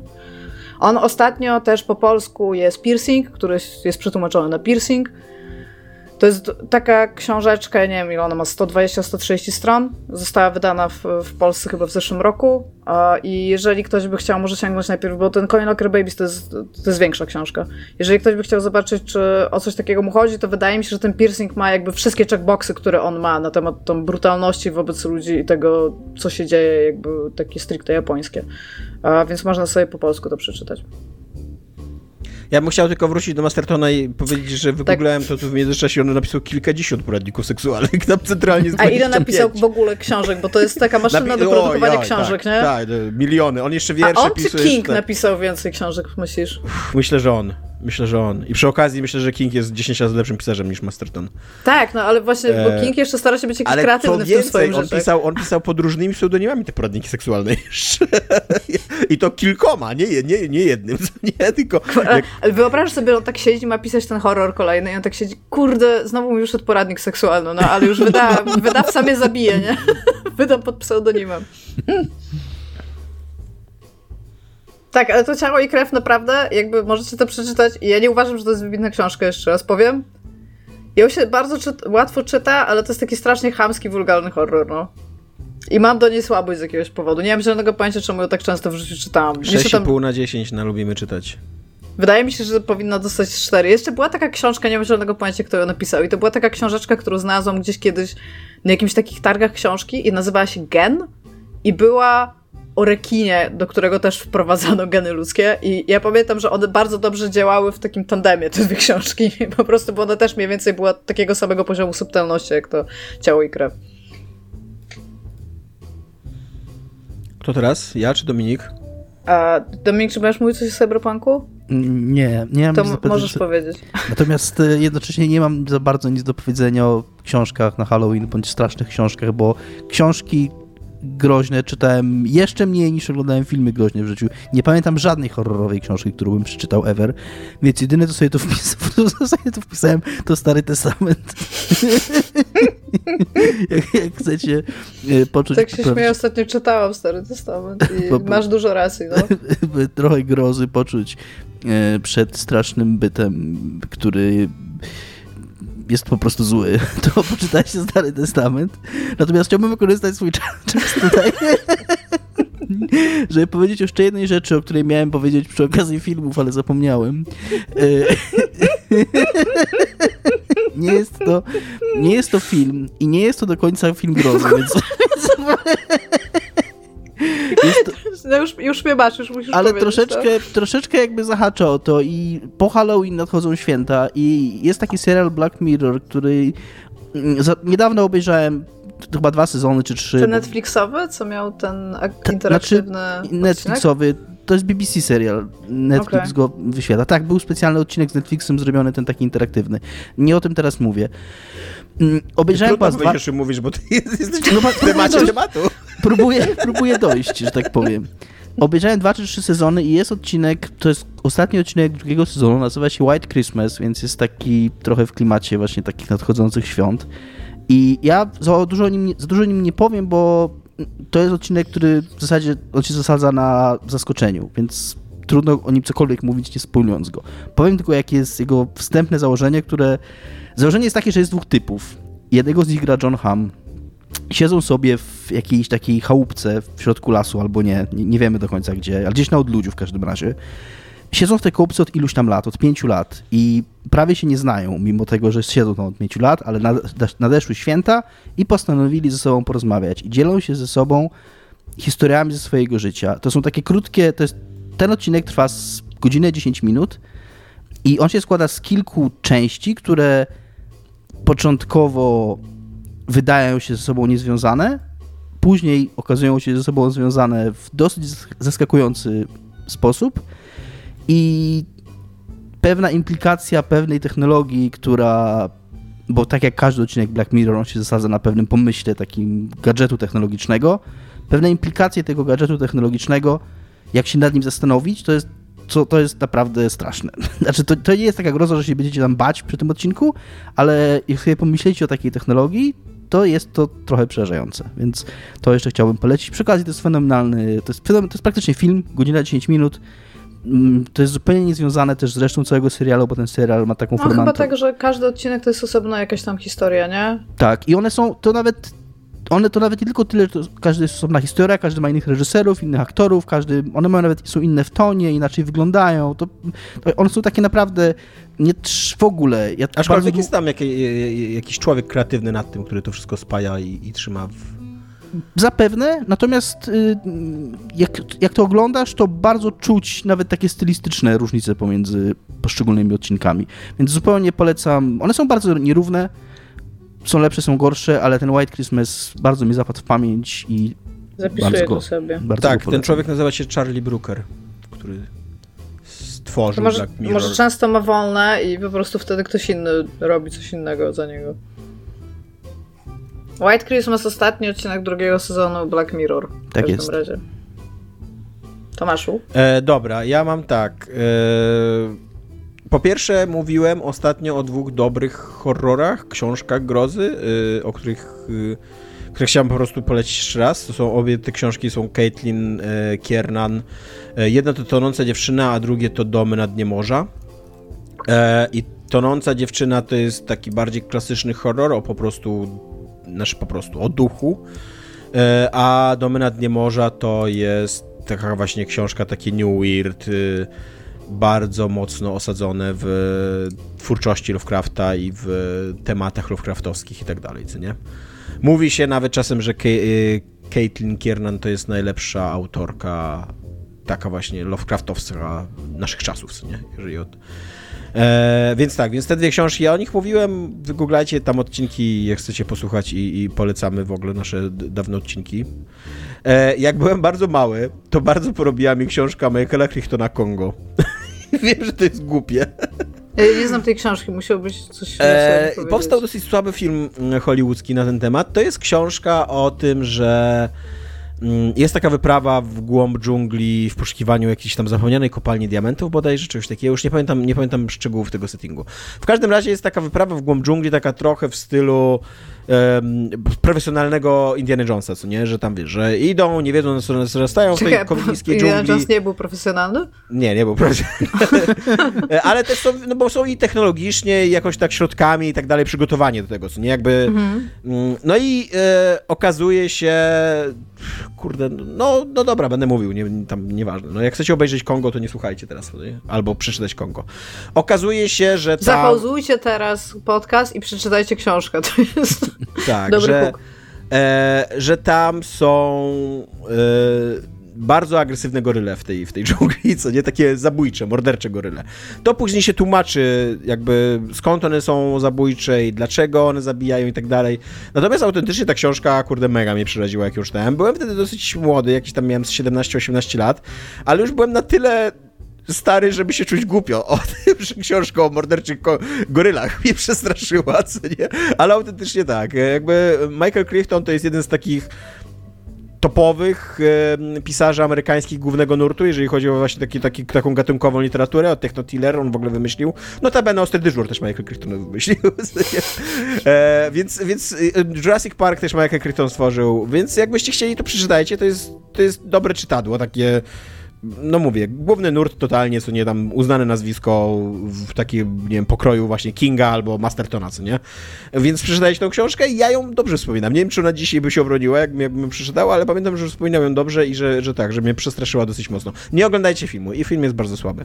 Jak ja byłam mała, to się strasznie bałam tego, co się działo w świecie muminków i jakie to wszystko było zarane, że tam Jezus, ludzie... Z... Maria, jak ja się buki bałem. Bu buka tam, straszne. ale tam w ogóle fakt, że ludzie się zamieniali w jakąś tam leguminę nagle albo tam w ogóle, że, że no przecież to Węson napisała też lato, gdzie jakieś skrzaty strzelają do... Chyba pierwszą tam, bo to są takie zbiór opowiadań chyba było lato, że tam w, w jednym z pierwszych y, y, opowiadań tam przelatuje komar do jakiegoś takiej wioski, jakichś takich mal, malutkich, malutkich skrzatów i do, do niego centralnie sadzu z karabinów maszynowych i jest, jest taki opis, jak z jego skrzydełek spadają łuski jakby ja siedzę jakby co się, co się dzieje w tych muminkach, jakby to jest, to jest tak iri w ogóle fikcja muminki. Tego się, to, to literacko się naprawdę naprawdę się tyrała muminków, ale to anime, co wyszło, w sensie to, co my oglądaliśmy jako tą kreskówkę, to też była dosyć przerażająca rzecz, właśnie od Topika i Topcia i odcinka z Buką i Hatifnaty przecież tak.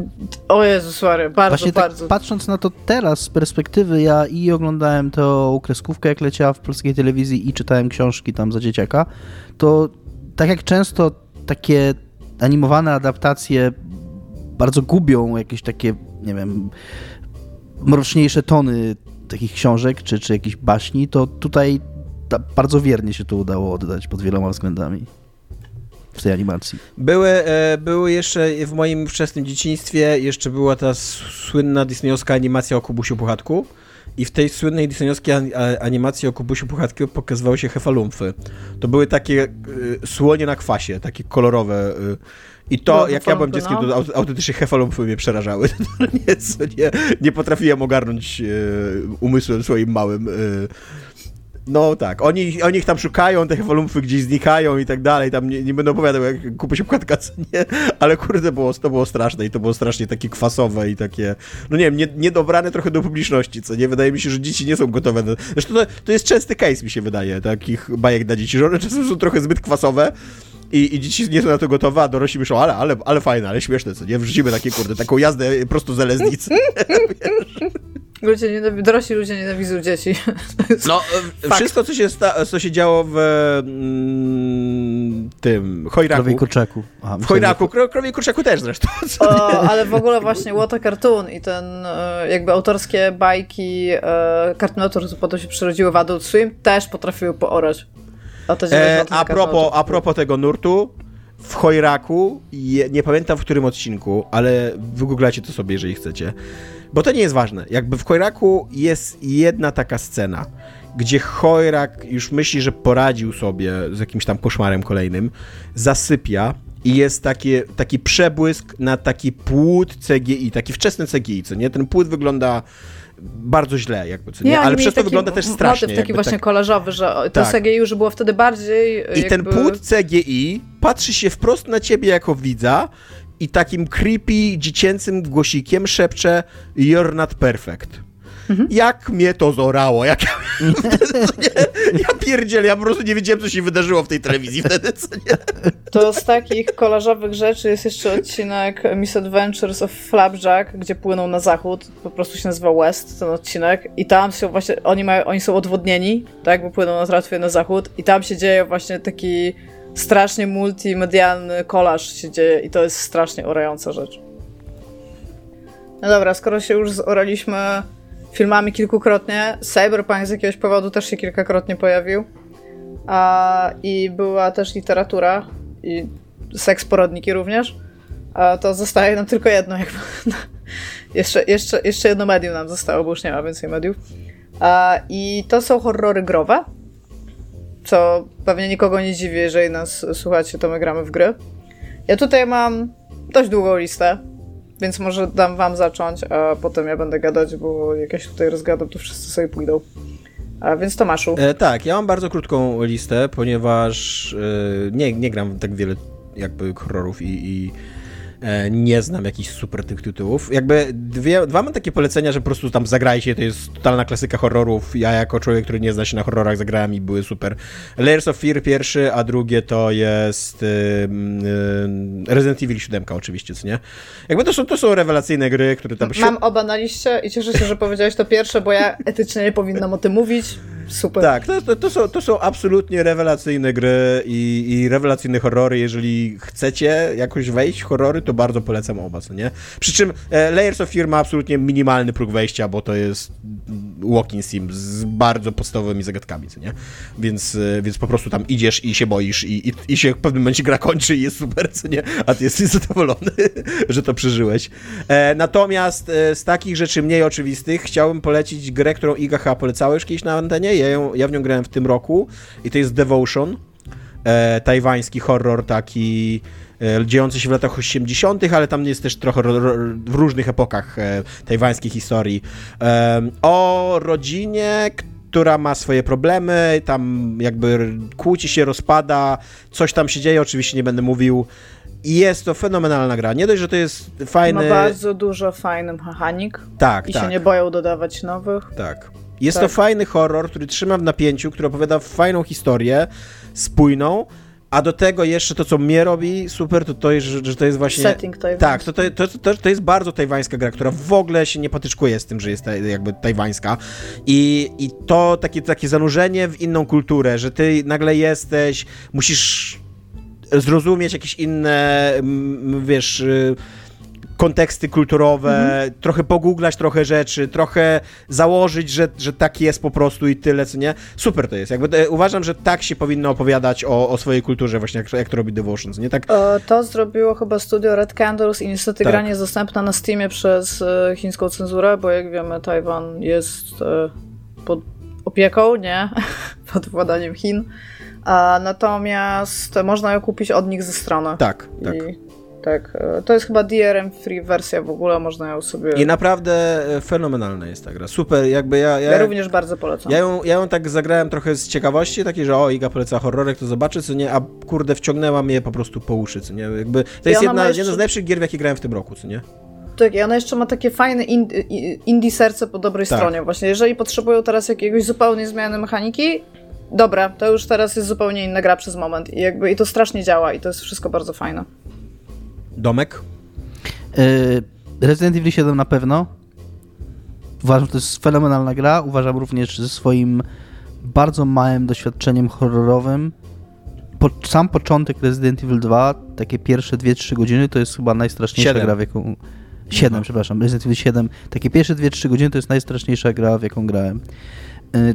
Stąd też w odróżnieniu od Tomka właśnie powiedziałbym Resident Evil 2 dla kogoś, kto nie gra w horrory. Ale remake, bo... Remake, absolutnie remake. To remake nie jest jeden do jednego dwójką, jakby... Tak, tak, tak. Dziękuję za ten, bo nie zapomniałem o tym w ogóle, że to jest remake. Mm. Mówię o remake'u Resident Evil 2, który dla mnie był takim właśnie gateway dragiem Bardzo, do bardzo growych. fajna gra i to jest rewelacyjne, ten remake jest rewelacyjną grą, o tak. Ona tak, ja się zgadzam, rzeczy z tego, co było w oryginale. Bo uważam, znaczy... Też bym bardziej polecała siódemkę, bo siódemka to jest jedynka, dwójka to jest dwójka, ósemka to jest czwórka tak naprawdę. Tak, ale jeszcze, jeszcze tak. chciałbym uzasadnić, że ja mam wrażenie, że jakbym zagrał w siódemkę najpierw, to bym ją wyłączył w tych pierwszych godzinach. A dwójka, dwójka nie jest straszna w ogóle, to jest gra o zombie. Tam, to, co najwyżej ma trochę jumpscarów, ale nawet jumpscary nie są jakieś szczególnie straszne. Więc ona mnie złapała na ten haczyk, że te wszystkie mechanizmy, tak jak, to, jak ta gra jest skonstruowana, jak, jak eksploracja działa, jak te zagadki działają, jak ten survival działa, to mnie chwyciło i dzięki temu byłem w cudzysłowie w stanie przetrwać ten początek Resident Evil 7, a z perspektywy ten początek, kiedy się tak bałem, cały czas wspominam i to jest jedno w ogóle z takich doświadczeń growych, które zostaną ze mną na całe życie. A jest na wiara, tak swoją drogą. Jezus, nigdy nie. Ktoś mi...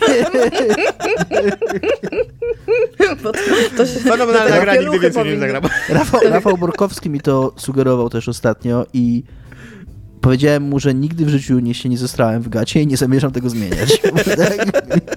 Wydaje mi się, że kiedyś mogło się zestrać w gacie. Kiedyś, bardzo, bardzo dawno temu. Możliwe, ale wiesz, wiesz o co mi chodzi. Nie, nie, nie. Tak. Absolutnie nigdy nie spróbuję Resident Evil 2. I chciałbym jeszcze tutaj nie wiem, czy polecić. Cyberpunk 2077. Chciałbym nadmienić o grze, o której będziemy mówić pod koniec odcinka, Alan Wake 2, że też ją polecam, ale tutaj będzie gwiazdka i jeżeli chcecie dowiedzieć się, co jest pod tą gwiazdką, to słuchajcie odcinka do końca. A ja bym chciał nawiązać do Cyberpunka 2077.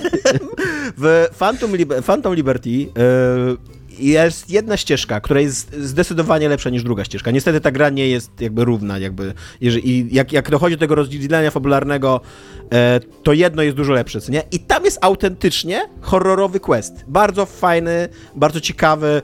Polygon napisał taki artykuł, że to jest najlepszy, e, najlepszy horror po tej stronie Alien Isolation, co nie? Jakby, po której...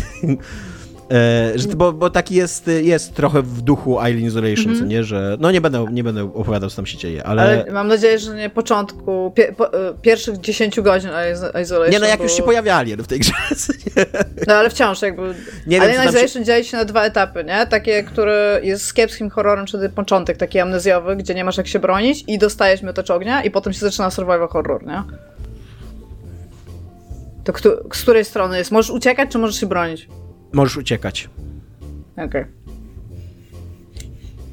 Dobrze, e, ja mam, ja mam horrory. I po pierwsze chciałabym podziękować wszystkim słuchaczom, którzy e, jak się mówi, rekomendują mi World of Horror.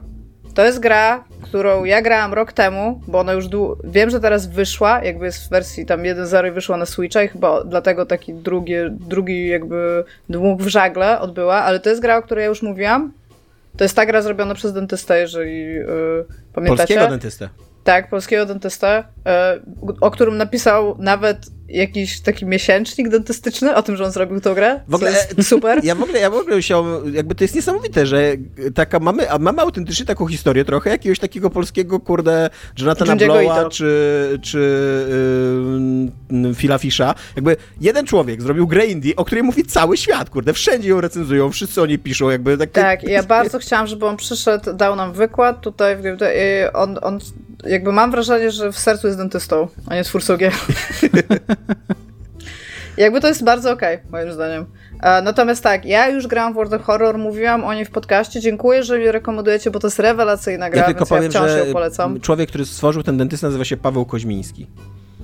Tak, i bardzo jesteśmy mu za to wdzięczni, bo zrobił rewelacyjny horror. I, I, super. Fajnie by było, jakby chciał on przy, przyjść, poopowiadać trochę o nim, to by było jeszcze lepiej. Ale no... Niniejszym zapraszamy, tak? Publicznie rozumiem. Tak, ale e, gdziekolwiek. jakby, ja chcę posłuchać, jakby... E, e, więc tak, jest, jeszcze raz World of Horror, super gra, pograjcie sobie, mega. Soma, uważam, że jest rewelacyjnym horrorem. O, wciąż jedną z moich ulubionych horrorów, jakie w ogóle wyszły. To Totalnie. jest Frictional Games, mega, dobre, mega dobrze zrobiony horror. Więc bardzo, Tutaj bardzo się polecam Soma. podpisuje o rękoma, ręcyma, nogyma, wszystkim, rękami i nogami, tak trudno to powiedzieć. Rękami i nogami się podpisuje, wszystkimi czterema tak. po tym, co powiedziała Iga. E, przepraszam za mój wylew. E, sama ma jeszcze ten tryb, jeżeli nie chcecie e, się skradać przed niczym, to możecie sobie centralnie wyłączyć e, jakby cały bullshit amnezjowy, że tak powiem, i możecie po prostu poznać fenomenalną historię w mega fajnym tak. settingu, co bardzo polecam. Ja tutaj sobie spisałam jeszcze Fate, The Unholy Trinity, o którym mówiłam ostatnio. Ja jestem wciąż zachwycona tą grą i bardzo polecam. Jeżeli macie mało czasu, to mówiłam o Growing My Grandpa, E, takie Tamagotchi, tylko jakby Cronenberg je zrobił, więc tam mała niszowa giereczka, można sobie tam jeden wieczór na nią poświęcić moim zdaniem. Dead Space doczekał się remake'u, więc ja jestem zawsze team Dead Space, jakby Dead Space to jest bardzo dobra gra, która była trochę gorsza później jakby w trylogii, dlatego że no, istniały gigantyczne problemy w jej produkcji, ale wciąż jakby pierwszy Dead Space jeszcze teraz zremakowany, pomimo tego, że moim zdaniem ta gra się nie zastarzała, więc nawet jak macie starego Dead Space'a, to możecie sobie pograć starego Dead Space'a i też będzie bardzo, bardzo na propsie. E, jeszcze szybka uwaga, Dead Space Remake wszedł do Game Passa ostatnio, więc... O, to nawet, nawet jest za darmo. Jest za darmo. e, Chuchu Charles e, o pociągu pająku, który Iga, ma wciąż... Ty, y, zresztą, przepraszam, bo tego Dead Space'a -hmm. bym ci pociągnął. Ty bardziej polecasz jedynkę czy dwójkę? Bo moim zdaniem dwójka jest lepszą grą. Dwójka jest lepszą grą, I lepszym ja wolę jedynkę. też, jakby jest straszniejsza dwójka, mi się wydaje. Mi się bardziej podoba właśnie horrorowo jedynka, uh, aczkolwiek ja, ja jestem dziwna, bo ja lubię nawet trójkę. Mi się, ja w sensie, ja bardzo zjadłam to uniwersum Dead Space'a, mi się super to podobało, tak? Ale jedynka Oglądasz miała animkę? lepsze stroje. Uh, widziałam animkę, czytałam komiks, i grałam nawet na, na Move w tą, jakby nie wiem jak to kurde nawet nazwać tą grę. Tak, bo ja bardzo, bardzo lubiłam Dead Space'a i powiem ci dlaczego ja może wolę jedynkę.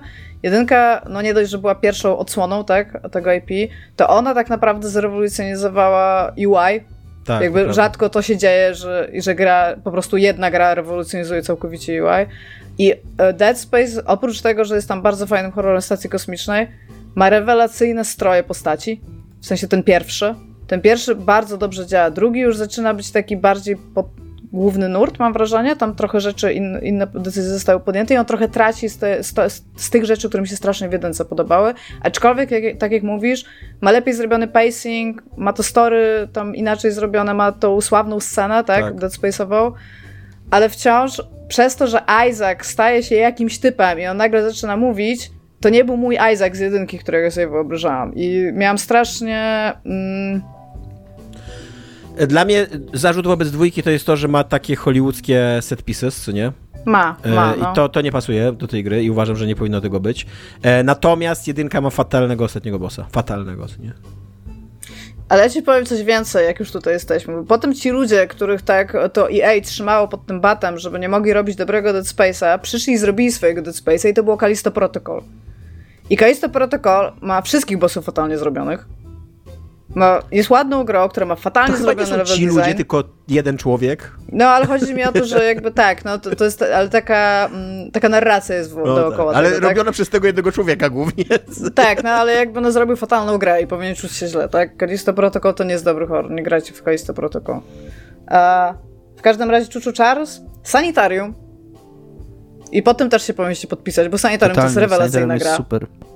To jest rewelacyjna przygodówka. Próbowałem już y, w naszych czasach jakby przejść w sanitarium i strasznie się ta gra zastarzała, nie, nie dałem rady. No, ja nie próbowałam jej ja przejść w naszych czasach. Ja nie, nie próbowałam, więc nie wiem, jak mam odpowiedzieć na ten argument. to jest wciąż rewelacyjna gra. A, I mam tutaj jeszcze wpisanego Silent Hill 4, bo y, lubię być y, takim y, jakby bardzo snowflake'iem i takim bardzo... Hipsterem hipsterem i czwórka to wciąż jest moja ulubiona część. I jakby zdaję sobie sprawę z tego, jakie ma problemy. To jest wciąż moja ulubiona część Silent Hilla i jakby nic, nie, nie mam zamiaru z tym nic zrobić, co więcej. A, I mam wpisane Deadly Premonition, pierwsza, pierwsza Deadly Premonition, nie druga, do tego, że ta gra to jest a beautiful train wreck. Nie wiem, czy mamy takie określenie w języku polskim, ale jakby śmietnik się palił, by się tam staje, bo to było piękne, to to jest Deadly Premonition. Kocham Deadly Premonition. Jestem z tych osób, bo nie wiem, czy pamiętacie, że ona ma rekord Guinnessa za najbardziej spolaryzowane recenzje?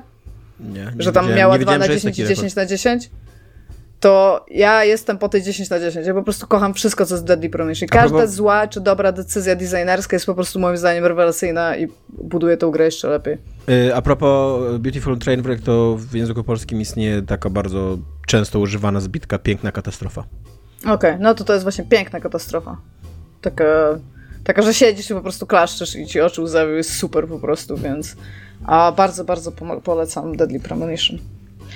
Więc macie dużo lektur e, na okres halloweenowy. E, wydaje mi się, że nie zdążycie ograć, e, przeczytać wszystkiego, szczególnie, że Cyberpunk zajmie wam już więcej niż jeden wieczór. To jest aparat i coś, co najbardziej polecamy jako podcast na Halloween. Ale chłopaki tutaj mają coś, co mnie super interesuje. Tutaj zrobię taki szybki disclaimer. Będziemy mówić o Elanie, znaczy oni będą, bo jeszcze nie gram, o Elanie Wake'u 2, który wyszedł w piątek a tylko w wersji digital, nie ma jej wersji pudełkowej, tak swoją drogą, jeżeli kogoś to bardzo interesuje. Jest to słabe, w cholerę. Jest to słabe w chuj. Oj, przepraszam, brzydko powiedziałam. Chciałem to powiedzieć, ale nie ale mogę to, nie, nie przekinamy nie mogę, nie mogę sobie tego na fakturę kupić, co mnie osobiście boli. Ale co chciałam powiedzieć, to e, wyszedł Alan Wake 2, chłopaki już z niego grali, ja nie zdążyłam, mnie nie było przez weekend. E, zacznę grać dzisiaj lub jutro. Ja jestem szalenie ciekawa tej gry, natomiast jeżeli wgraliście w Alana Wake'a 1, to wydaje mi się, że chłopaki mogą powiedzieć coś, czego może nie chcecie słyszeć.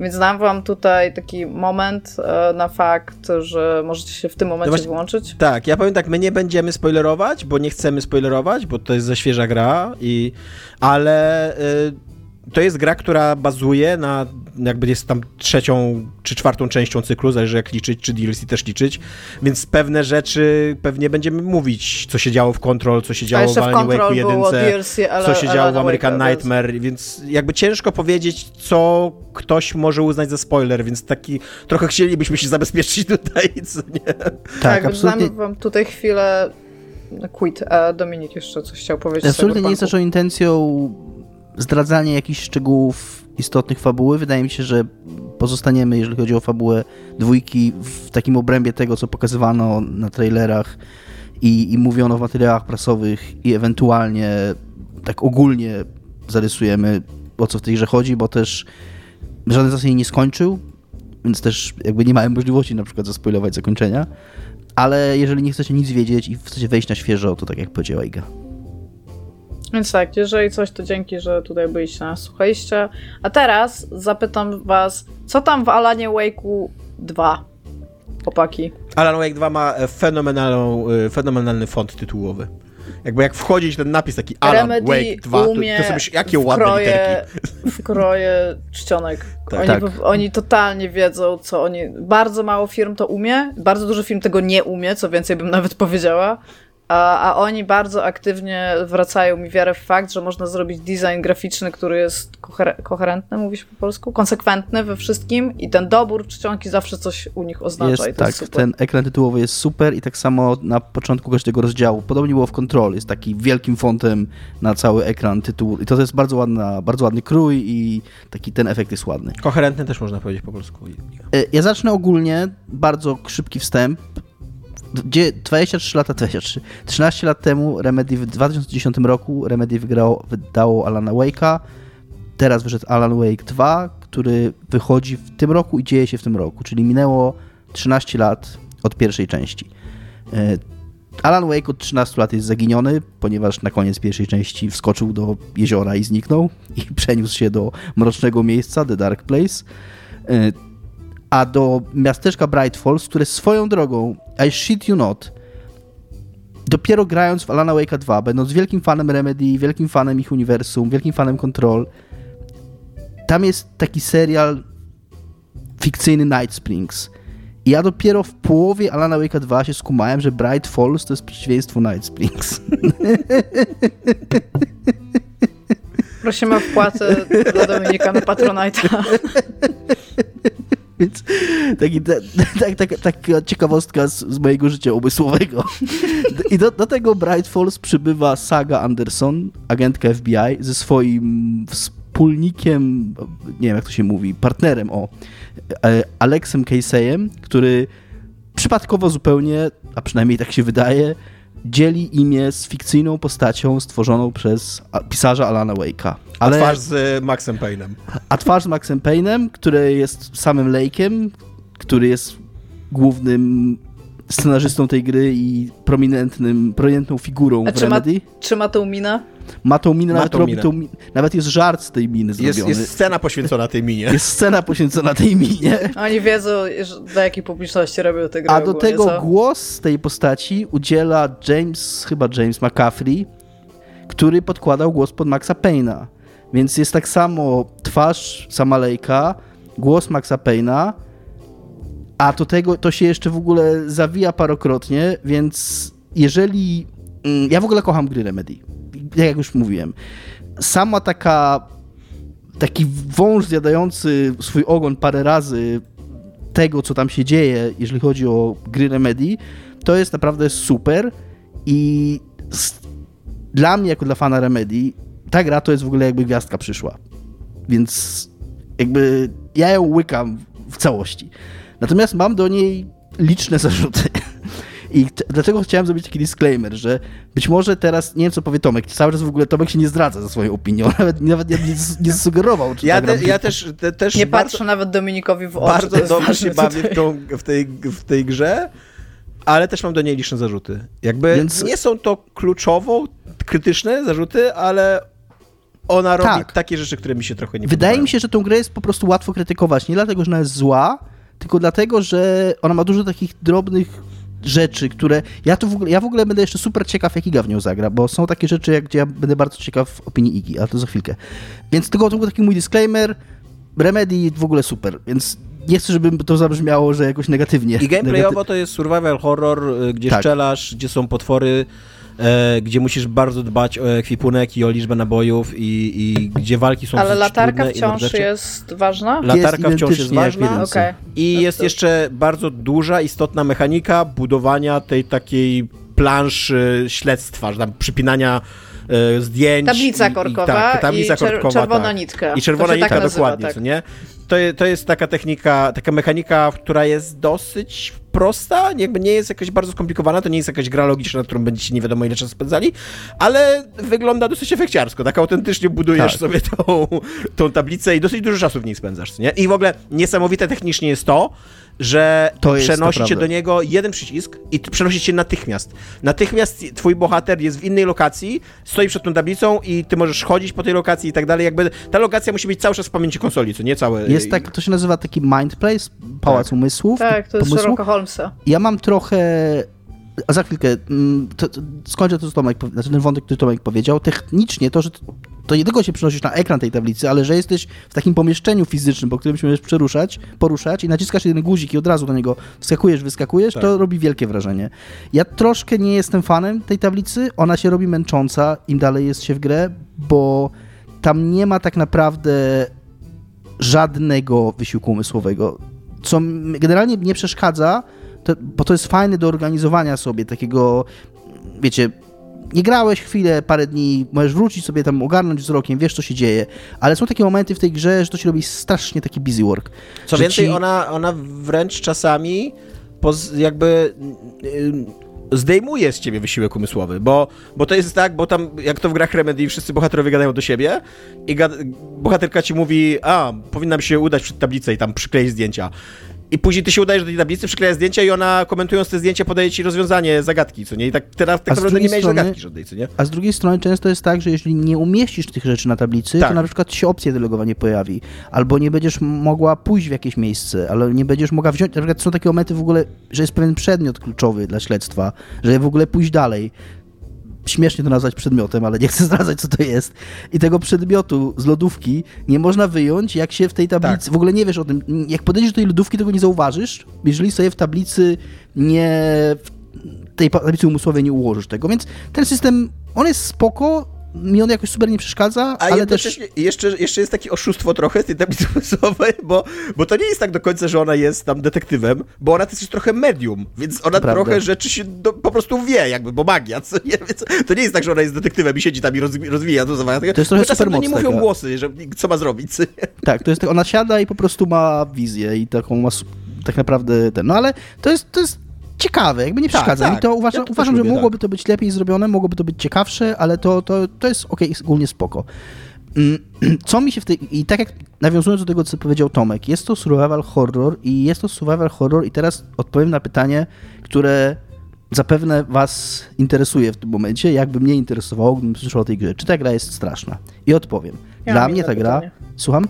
Ja Czy ta gra jest straszna? To jest to pytanie. Ja mam inne. Ale dobrze, ale ja do naszych słuchaczy. To, do, za chwilkę odpowiem na Twoje pytanie, Iga, dobrze? W takim razie. Już mam sobie, już mam zanotowane. Mm, ta gra jest straszna. Dla mnie ona jest naprawdę straszna. W porównaniu do jedynki. Y, to w ogóle jest zupełnie inny, i nie ma w ogóle porównania. Jedynka jakby gra w innej lidze. Dla mnie jest dwójka, i mówię, ja nie mam takiego doświadczenia z horrorami jak Iga, dla mnie dwójka jest właśnie straszna na poziomie Resident Evil 7 początku. Tylko, że ona jest straszna na parę sposobów. I kiedy ona jest straszna na, na, taki sposób, właśnie kiedy buduje napięciem, ona potrafi bardzo sprytnie, małymi lokacjami nawet, bo te lokacje są dosyć małe, ale bardzo sprytnie potrafi takie poczucie zagubienia wywoływać. Ma dosyć, i to jest coś, co będę bardzo ciekaw, co Iga powie, ma dosyć toporną mapę, która wydaje mi się, że jest świadomie tak zrobiona, żeby właśnie nie było ci się nawet z tą mapą łatwo orientować w sytuacji. To jest coś, co Iga mi zawsze tłumaczyła, że to jest ważne w horrorach, żeby te rzeczy... Nie, ja tylko chcę tutaj powiedzieć, że Dominik kiedyś mi napisał, że jestem bezużyteczny jak mapa w Automata. Znalazłam ostatnio screenshota z naszej rozmowy i tak mi napisał. Wow. Ale byłem miły. To było super śmieszne. No. Więc ta mapa, ona nie jest bezużyteczna, ale ona jest taka, że nie jest też super wygodna, więc y, takie... No z definicji najczęściej chcą, żebyś się czuł trochę zagubiony, tak. więc no najprościej jest ci pokazać mapę, więc ty mniej więcej wiesz, gdzie jesteś, a ta mapa albo jest trochę przekłamana, albo trudna w orientacji. Od tego się trochę odchodzi na rzecz no, kontaktu z dziełem, tak? Ale no to, jest, to, jest to jakiś zabieg taki To jest takiego, o czym ty mówisz. Y, I w tych momentach idą na tak, to, czy też właśnie jakimś takim klimatem, grafiką, to jest super. Natomiast i to chciałem powiedzieć na początku odcinka, bo jeszcze taki byłem roztrzęsiony, bo grałem tuż przed odcinkiem. Ta gra ma najgorsze jumpscary, jakie widziałem w życiu. A czemu są najgorsze? Bo są skuteczne. Bo działają. Tak. nie, bo to nawet nie chodzi o to. To są takie typ, to jest takie typowe, my to kiedyś nazywaliśmy, Tomek to kiedyś nazywał, przepraszam, bukurwa. To jest taka gra, że sobie idziesz przez las i nagle na pół sekundy ci się wyświetla jakaś morda czarno-biała na ekranie i robi ci bukurwa. tak, prawie, prawie dosłownie. I to działa. to są takie momenty, że ty się spodziewasz, to jakby im dłużej grasz w tą grę, ty też kumasz, to ma pewien sens narracyjny, dlaczego ta morda wyskakuje. I one są różne, te mordy. I też w pewnym momencie zaczynasz się ich spodziewać, jakby wiesz w jakim kontekście one się pojawiają, więc już trochę mniej cię zaskakują. Po czym kiedy już jesteś w takim momencie, to nagle ta gra cię w ogóle bierze jeszcze z innej mańki i się wyświetla taką mordę w totalnie niespodziewanym momencie i się, i się miałem coś takiego przed odcinkiem i kuna się zbierałem z pół godziny dobre mm, z takiego roztrzęsienia to jest, to nie jest cool, moim zdaniem. To, to, nie, to jest nie fair. W ogóle to jest nie fair. najczęściej są nie fair. No. I przy całej mojej miłości do Remedy, ja wiem, czemu oni to zrobili i być może to ma sens narracyjny, ale to nie jest dla mnie. Znaczy, na szczęście, mówię, nie przeszkadza mi to jakoś super, ale ilekroć się na to złapię, jak ja się przestraszałem w Resident Evil 7, miałem takie nagranie na streamie, to ja najpierw się super przestraszyłem, potem zacząłem się śmiać, bo jakby... To jest uciesz... dobra reakcja. Tak, bo ucieszyło mnie, to jakby, mm, jakby potwór, potwór spadł tam z y, wentylacji, nie? ale to miało sens, mhm. coś się wydarzyło w grze jakby, tak? A jak mi wyskakuje twarz i mówi do mnie bu kurwa i ja się przestraszę, tam takie, no ja pierwsze, nie serio? Tomek, mi to nie przeszkadza. Mi jakby... Wiem, że to jest jumpker i, i tam przechodzą mieciarki, ale mi to nie przeszkadza. Gram w horror, lubię, że, że, że czasem się boję. Nie, bo ona tak zasadniczo sama w sobie nie jest straszna. Raczej się tam nie dzieją straszne rzeczy. Przynajmniej na razie, jakby ja tam jestem po połowie mniej więcej, jak mi się wydaje. E, więc sama w sobie nie jest straszna. Przy okazji e, ona też nie jest straszna w taki celowy sposób, trochę mi się wydaje, bo to ona jest bardzo głęboko zanurzona w wielu gatunkach i w kryminale noir i właśnie w horrorze takim kingowskim, przede wszystkim w horrorze kingowskim, co nie? I, e, i ona wszystko, co robi, jest bardzo konwencjonalne, jakby i, i w grę, i w fabule, i w, właśnie w sposobach straszenia i tak dalej. I to mi się wydaje, że być może dlatego oni sięgają po te, po te jumpscary, bo jakby, wiesz, no chcą nadal, żeby ta gra była straszna, nie? A wszyscy widzieliśmy już 30 filmów, kurde, na podstawie powieści Stephena, e, Stephena Kinga i przeczytaliśmy, kurde, z 40 jego książek, co nie? Okay. Tak. Tomek jest dzielniejszy ode mnie po prostu, teraz się dowiedzi. Nie, nie że mądrzejszy, bo ja już udowodniłem, że jestem debilem, to jeszcze, to jeszcze dzielniejszy. Ja, dla mnie ta gra jest straszna, ja się boję. Miałam pytanie ważniejsze właśnie, od tego, właśnie, czy no. to jest straszna gra, czy jest w niej serial i czy to jest cool serial. Nie ma w niej serialu, nie jest to Quantum Break, ale są w niej dosyć rozbudowane sekwencje full motion video z aktorami. Znaczy dosyć rozbudowane to mam na myśli takie cutscenki, nie wiem, pan po 30 sekund, nie? I ma, po... ma strukturę serialową też mocno. Tak, no to, ale to jedynka już miała, tylko tam się wchodziło i tam był taki jakby Twilight Zone, tylko ichniejszy, można było oglądać, nie? Tutaj nie, tutaj są autentycznie takie momenty cutscenek z aktorami, mm, które są bardzo, w ogóle ta gra, jedną z rzeczy, którą ona super robi, w ogóle to, ta, ta, ten cały styl Remedy, właśnie te wszystkie kroje czcionek i tak dalej, ale też w jaki sposób ona potrafi mieszać te, to wideo z rozgrywką, to robi to, pomijając te mordy, które na ciebie wyskakują, to robi to na bardzo sprytne sposoby. Mm, takie, że właśnie to, co najbardziej tak ci gryzło w Quantum Break, to że to były tak naprawdę dwa twory. To było tak naprawdę gra i serial i one mogłyby istnieć oddzielnie. Tam były jakieś wybory, ale one nie miały tam tak, tak naprawdę nie czuło się powiązania jednego z drugim. A w, w Alanie Wake'u bardzo sprytnie i bardzo ciekawie się te dwa media łączą i też ta gra jest, tak jak powiedział Tomek, oprócz tego, że ona łączy różne style narracyjne, to też łączy to, to łączenie różnych form medialnych też jest bardzo świadome, bo tam jest mowa i o literaturze, i o filmie, i to, że te media się łączą, to też... Ona jest też bardzo meta, co nie? Ona bardzo... Tak. Ja miałem taki moment, że tam w ogóle pada w pewnym momencie takie słowo jak autofikcja i ja takie... O, po to pisałem 12 lat doktorat, nie? Żeby, o, Alan Wake tutaj w końcu wykorzystuje, co? Ja wiem, tutaj jest autofikcja, ja, ja. Bo ona jest na, na maksa meta jest ta gra. Ona komentuje sama siebie i ona wewnętrznie komentuje jeszcze powieści Alana Wake'a, bohaterów Alana, Alana Wake'a. Alan Wake ma jeszcze jakieś takie um, wizje jakby jak horrorowe, które też są jakoś tam wsobnie ze sobą powiązane i tak dalej.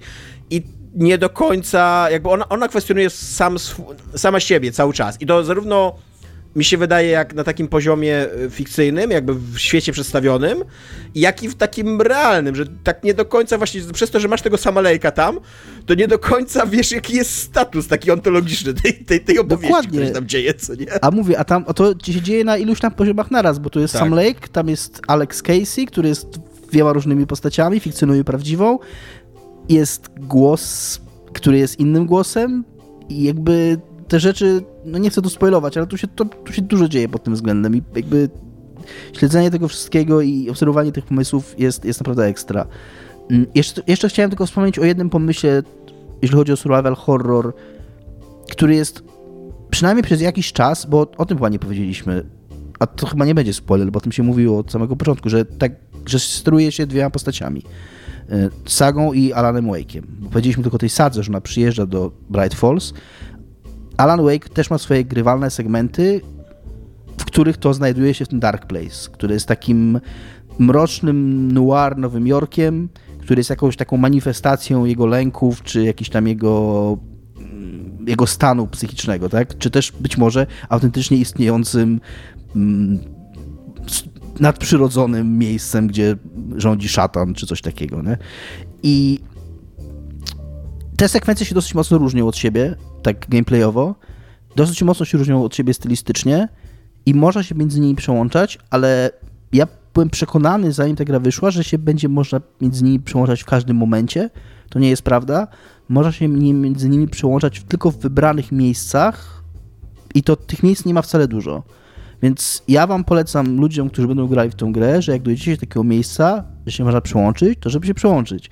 Bo później bardzo długo może nie być na tej okazji. Ja bardzo długo grałem tylko sagą i bardzo wyprzedziłem, a te wątki, one się w pewnym sensie łączą i wydaje mi się, że lepiej... Dobrze jest się trzymać równolegle, Wydaje tak? mi się, może nie do końca równolegle, ale przynajmniej w miarę, tak? Bo jak nie wydaje mi się, żeby było sensowne, bo można tak zrobić, żeby przejść najpierw jeden, a potem przejść drugi.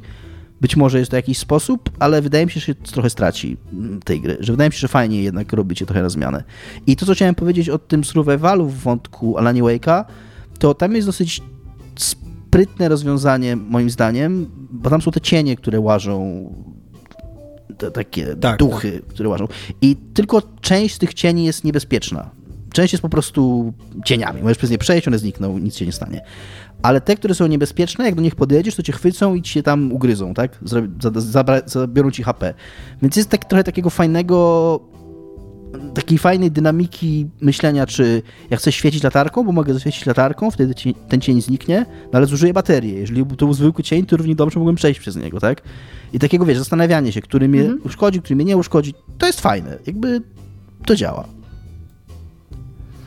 Ja mam e, dwie takie główne uwagi, które chciałbym poruszyć. Też tak e, będę mówił, ja się bardzo dobrze bawię w, to, w tej grze, ale też obie moje będą krytyczne, bo tak jak Dominik mówi, być może to jest gra, którą łatwiej krytykować. E, ona w ogóle rewelacyjnie wygląda, to bym chciał powiedzieć na początku. E, to, co zrobili paceciarzom, to jest w ogóle straszne, ale, ale tak, ale wygląda rewelacyjnie. E, I... Ale to, chwilka, to no. też jest trochę nie do końca prawda, bo wyszły już, wyszły Digital Foundry mhm. i z, badań, z badań w cudzysłowie Digital Foundry wynika, że Remedy po prostu przeszacowało wymagania i nawet ktoś tam z Remedy napisał, że oni underpromised and overdelivered or something finish like that, że po prostu nie doszac- jakby przeszacowali swoje wymagania. Wiesz co, nie, no ja oglądałem kilka takich porównań i zasadniczo na kartach graficznych poniżej 3070 raczej nie pograsz wygodnie, co nie, okay. tak um, komfortowo. No ja się nie znam też na PC-tach, więc w sumie nie wiem, czemu się wcinam w to. Eee, więc e, ta, to jest bardzo ładna gra, ma bardzo fajny gameplay i w ogóle super jest udźwiękowiona, bo rewelacyjna w ogóle ścież, ścieżkę dźwiękową, co nie?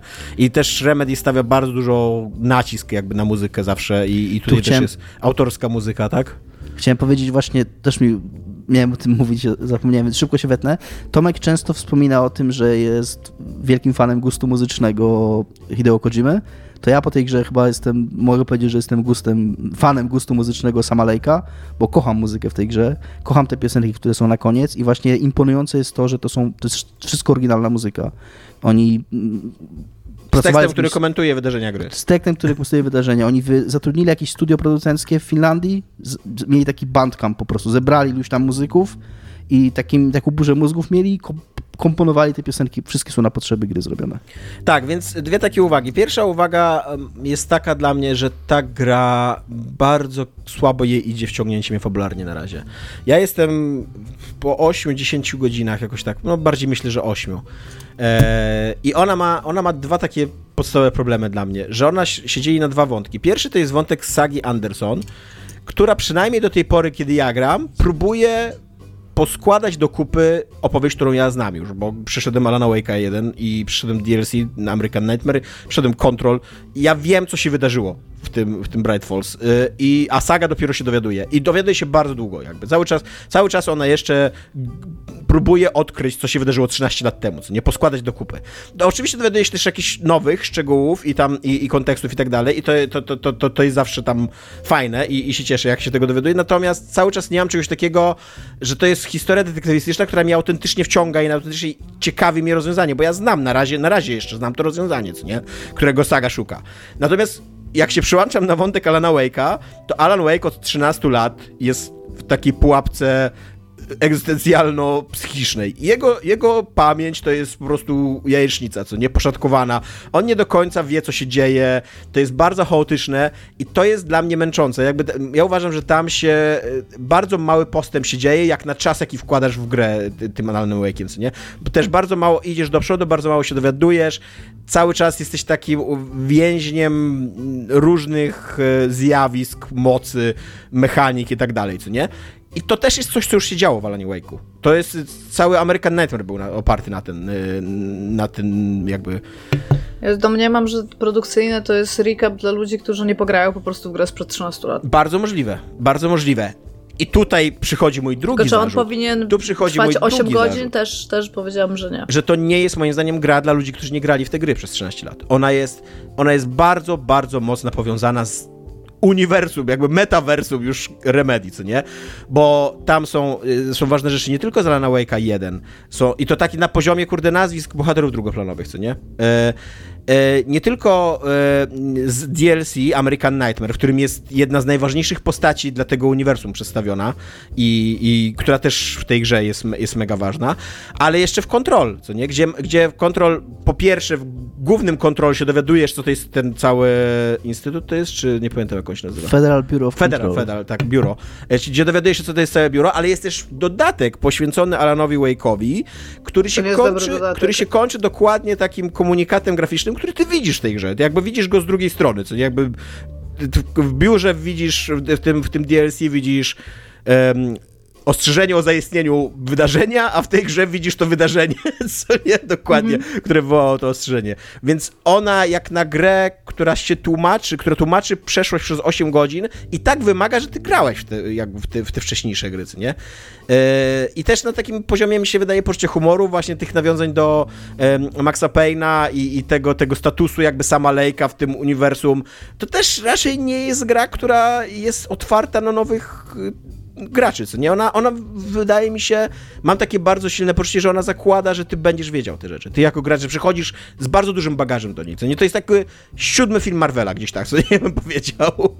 Może nie 20, jeszcze nie 30, to nie jest poziom e, tych finałów, jakichś tam faz i tak dalej, ale to już jest turyść z kolei, gdzie mm, krok, który powinien, ty, ty powinieneś już znać wcześniejsze, żeby się swobodnie czuć tam w tej grze. Znaczy, ja się ogólnie zgadzam, może nie aż tak super, znaczy chciałem tylko jedną rzecz mm, może sprostować, albo może, nie wiem, podać swoją, swój punkt widzenia, mm, że a tak, zgadzam się z tobą, tak, tam to nazwisko, o którym mówisz, musiałem wygooglać i byłem wkurzony, i było autentycznie, bo ja grałem w Alana Wake'a 13 lat temu i mm, miałem takie wrażenie, że gdybym grał w niego jakoś niedawno, to więcej bym w ogóle z tej postaci wyniósł i dużo lepiej bym zrozumiał, bo wygooglałem to nazwisko dopiero pod sam koniec wątku, jak było, to było, było dopiero zasugerowane, że to jest postać, która, którą Alan Wake pozna, spotkał już wcześniej, tak? Więc wtedy mi tak coś kliknęło, a kto to był? I wpisałem w Google i wygooglałem, więc pod tym względem tak.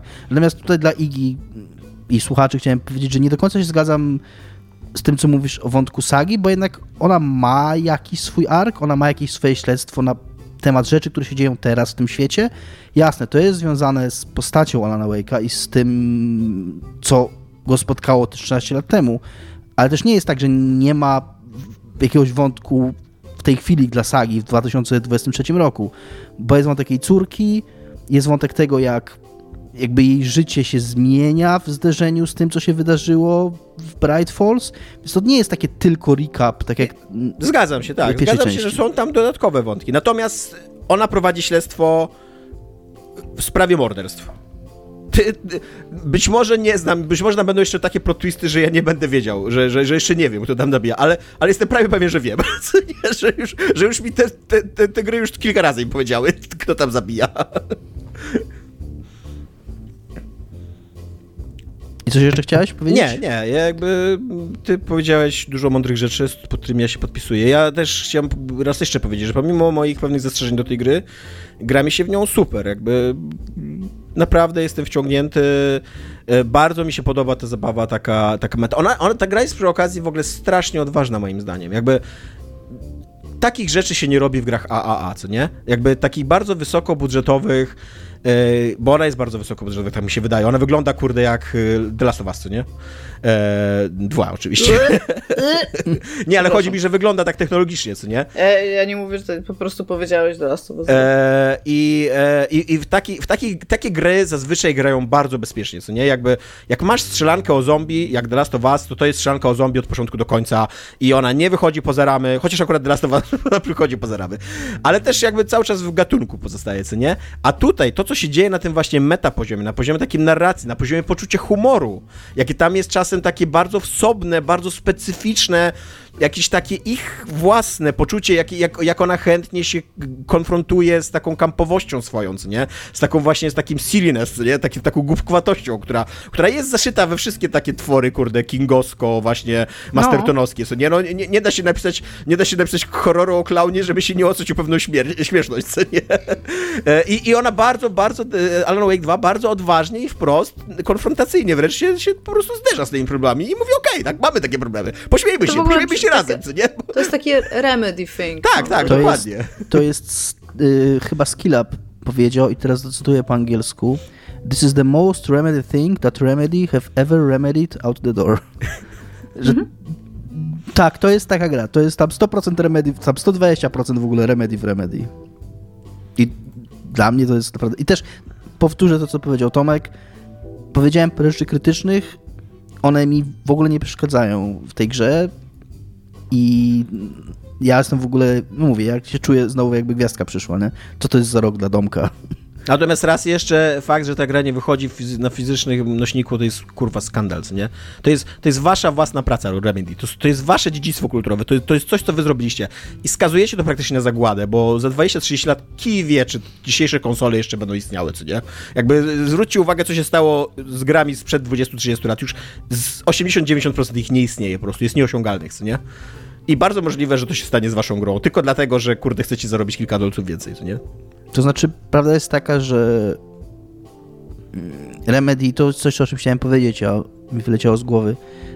W 2018 roku ich CEO powiedział, że jakiekolwiek w ogóle ruchy z Alanem Wake'iem wymagałyby zgody Microsoftu, bo Microsoft jako wydawca tej gry na Xboxa miał pełnię praw i Remedy w 2019 wykupiło od Microsoftu te prawa, więc przypuszczam, że to jest firma niezależna, oni się nie dali kupić nikomu, jakby i chyba nie chcą się nikomu kupić, więc mm, zgadzam się generalnie co do zasady, że, że gra powinna wyjść. E, Natomiast mają teraz nad sobą duży, duże pieniądze Epicasy, nie? To nie jest tak, że oni za własną kasę całą tą grę zrobili. No jasne, tak, ale, ale też no być może nie jest to takie proste, że tam to jest tylko ich chciwość, nie? Tam może to być kwestia jednak istnienia studia bądź nie istnienia. Ja, ja tak, ja trochę mówię na podstawie tego, co oni sami powiedzieli. Oni powiedzieli niby, że y, wydają tą grę bez wersji pudełkowej po to, żeby ona była tańsza. Przede wszystkim ona nadal nie jest tania, nadal kosztuje 60 dolarów. E, więc, więc to jest powiedziałbym, normalna cena za grę, nie, pro, nie jakaś promocyjna, nie? A po drugie, no, no nie no, uważam, że uważam, że ta przetrwanie dzieł kultury, jakimi są gry, powinno być w naszym najlepiej pojętym interesie. I rozumiem, że gry, że małych firm indie nie stać na wydawanie na, na, na fizycznych nośnikach, co nie gier. Ale kurde, Epica i, i, i, Remedy nie wierzę w to. Nie wierzę w to, że, że nie ma żadnej opcji. Ja bym żeby... po pierwsze chciała mieć tą grę w mojej kolekcji. Mam Alana Wake'a jednak, chcę mieć obok niej Alana Wake'a 2 i to jest y, coś, co lubię mieć. Lubię mieć fizyczny dostęp do gry. A w, się okazało po prostu, że nie że, że, że nie tym razem Iga. Pozostaje nadzieja, że to się jeszcze wydarzy. tak. Jest to możliwe. Tak. No dobrze. Pamiętajcie o naszym Patronite, nie będziemy tutaj długo o nim mówić, tylko pamiętajcie, dzięki, że jesteście i dzięki, że nam wpłacacie. E, I szczególnie byśmy chcieli podziękować tym czterem osobom, których Iga oczywiście nie przypomniłaś do agendy. Jarosławowi, Bartkowi i Tomaszowi. No właśnie, na pamięć No i co? I zatkał no, kakao. No, zatkało kakao, masz rację.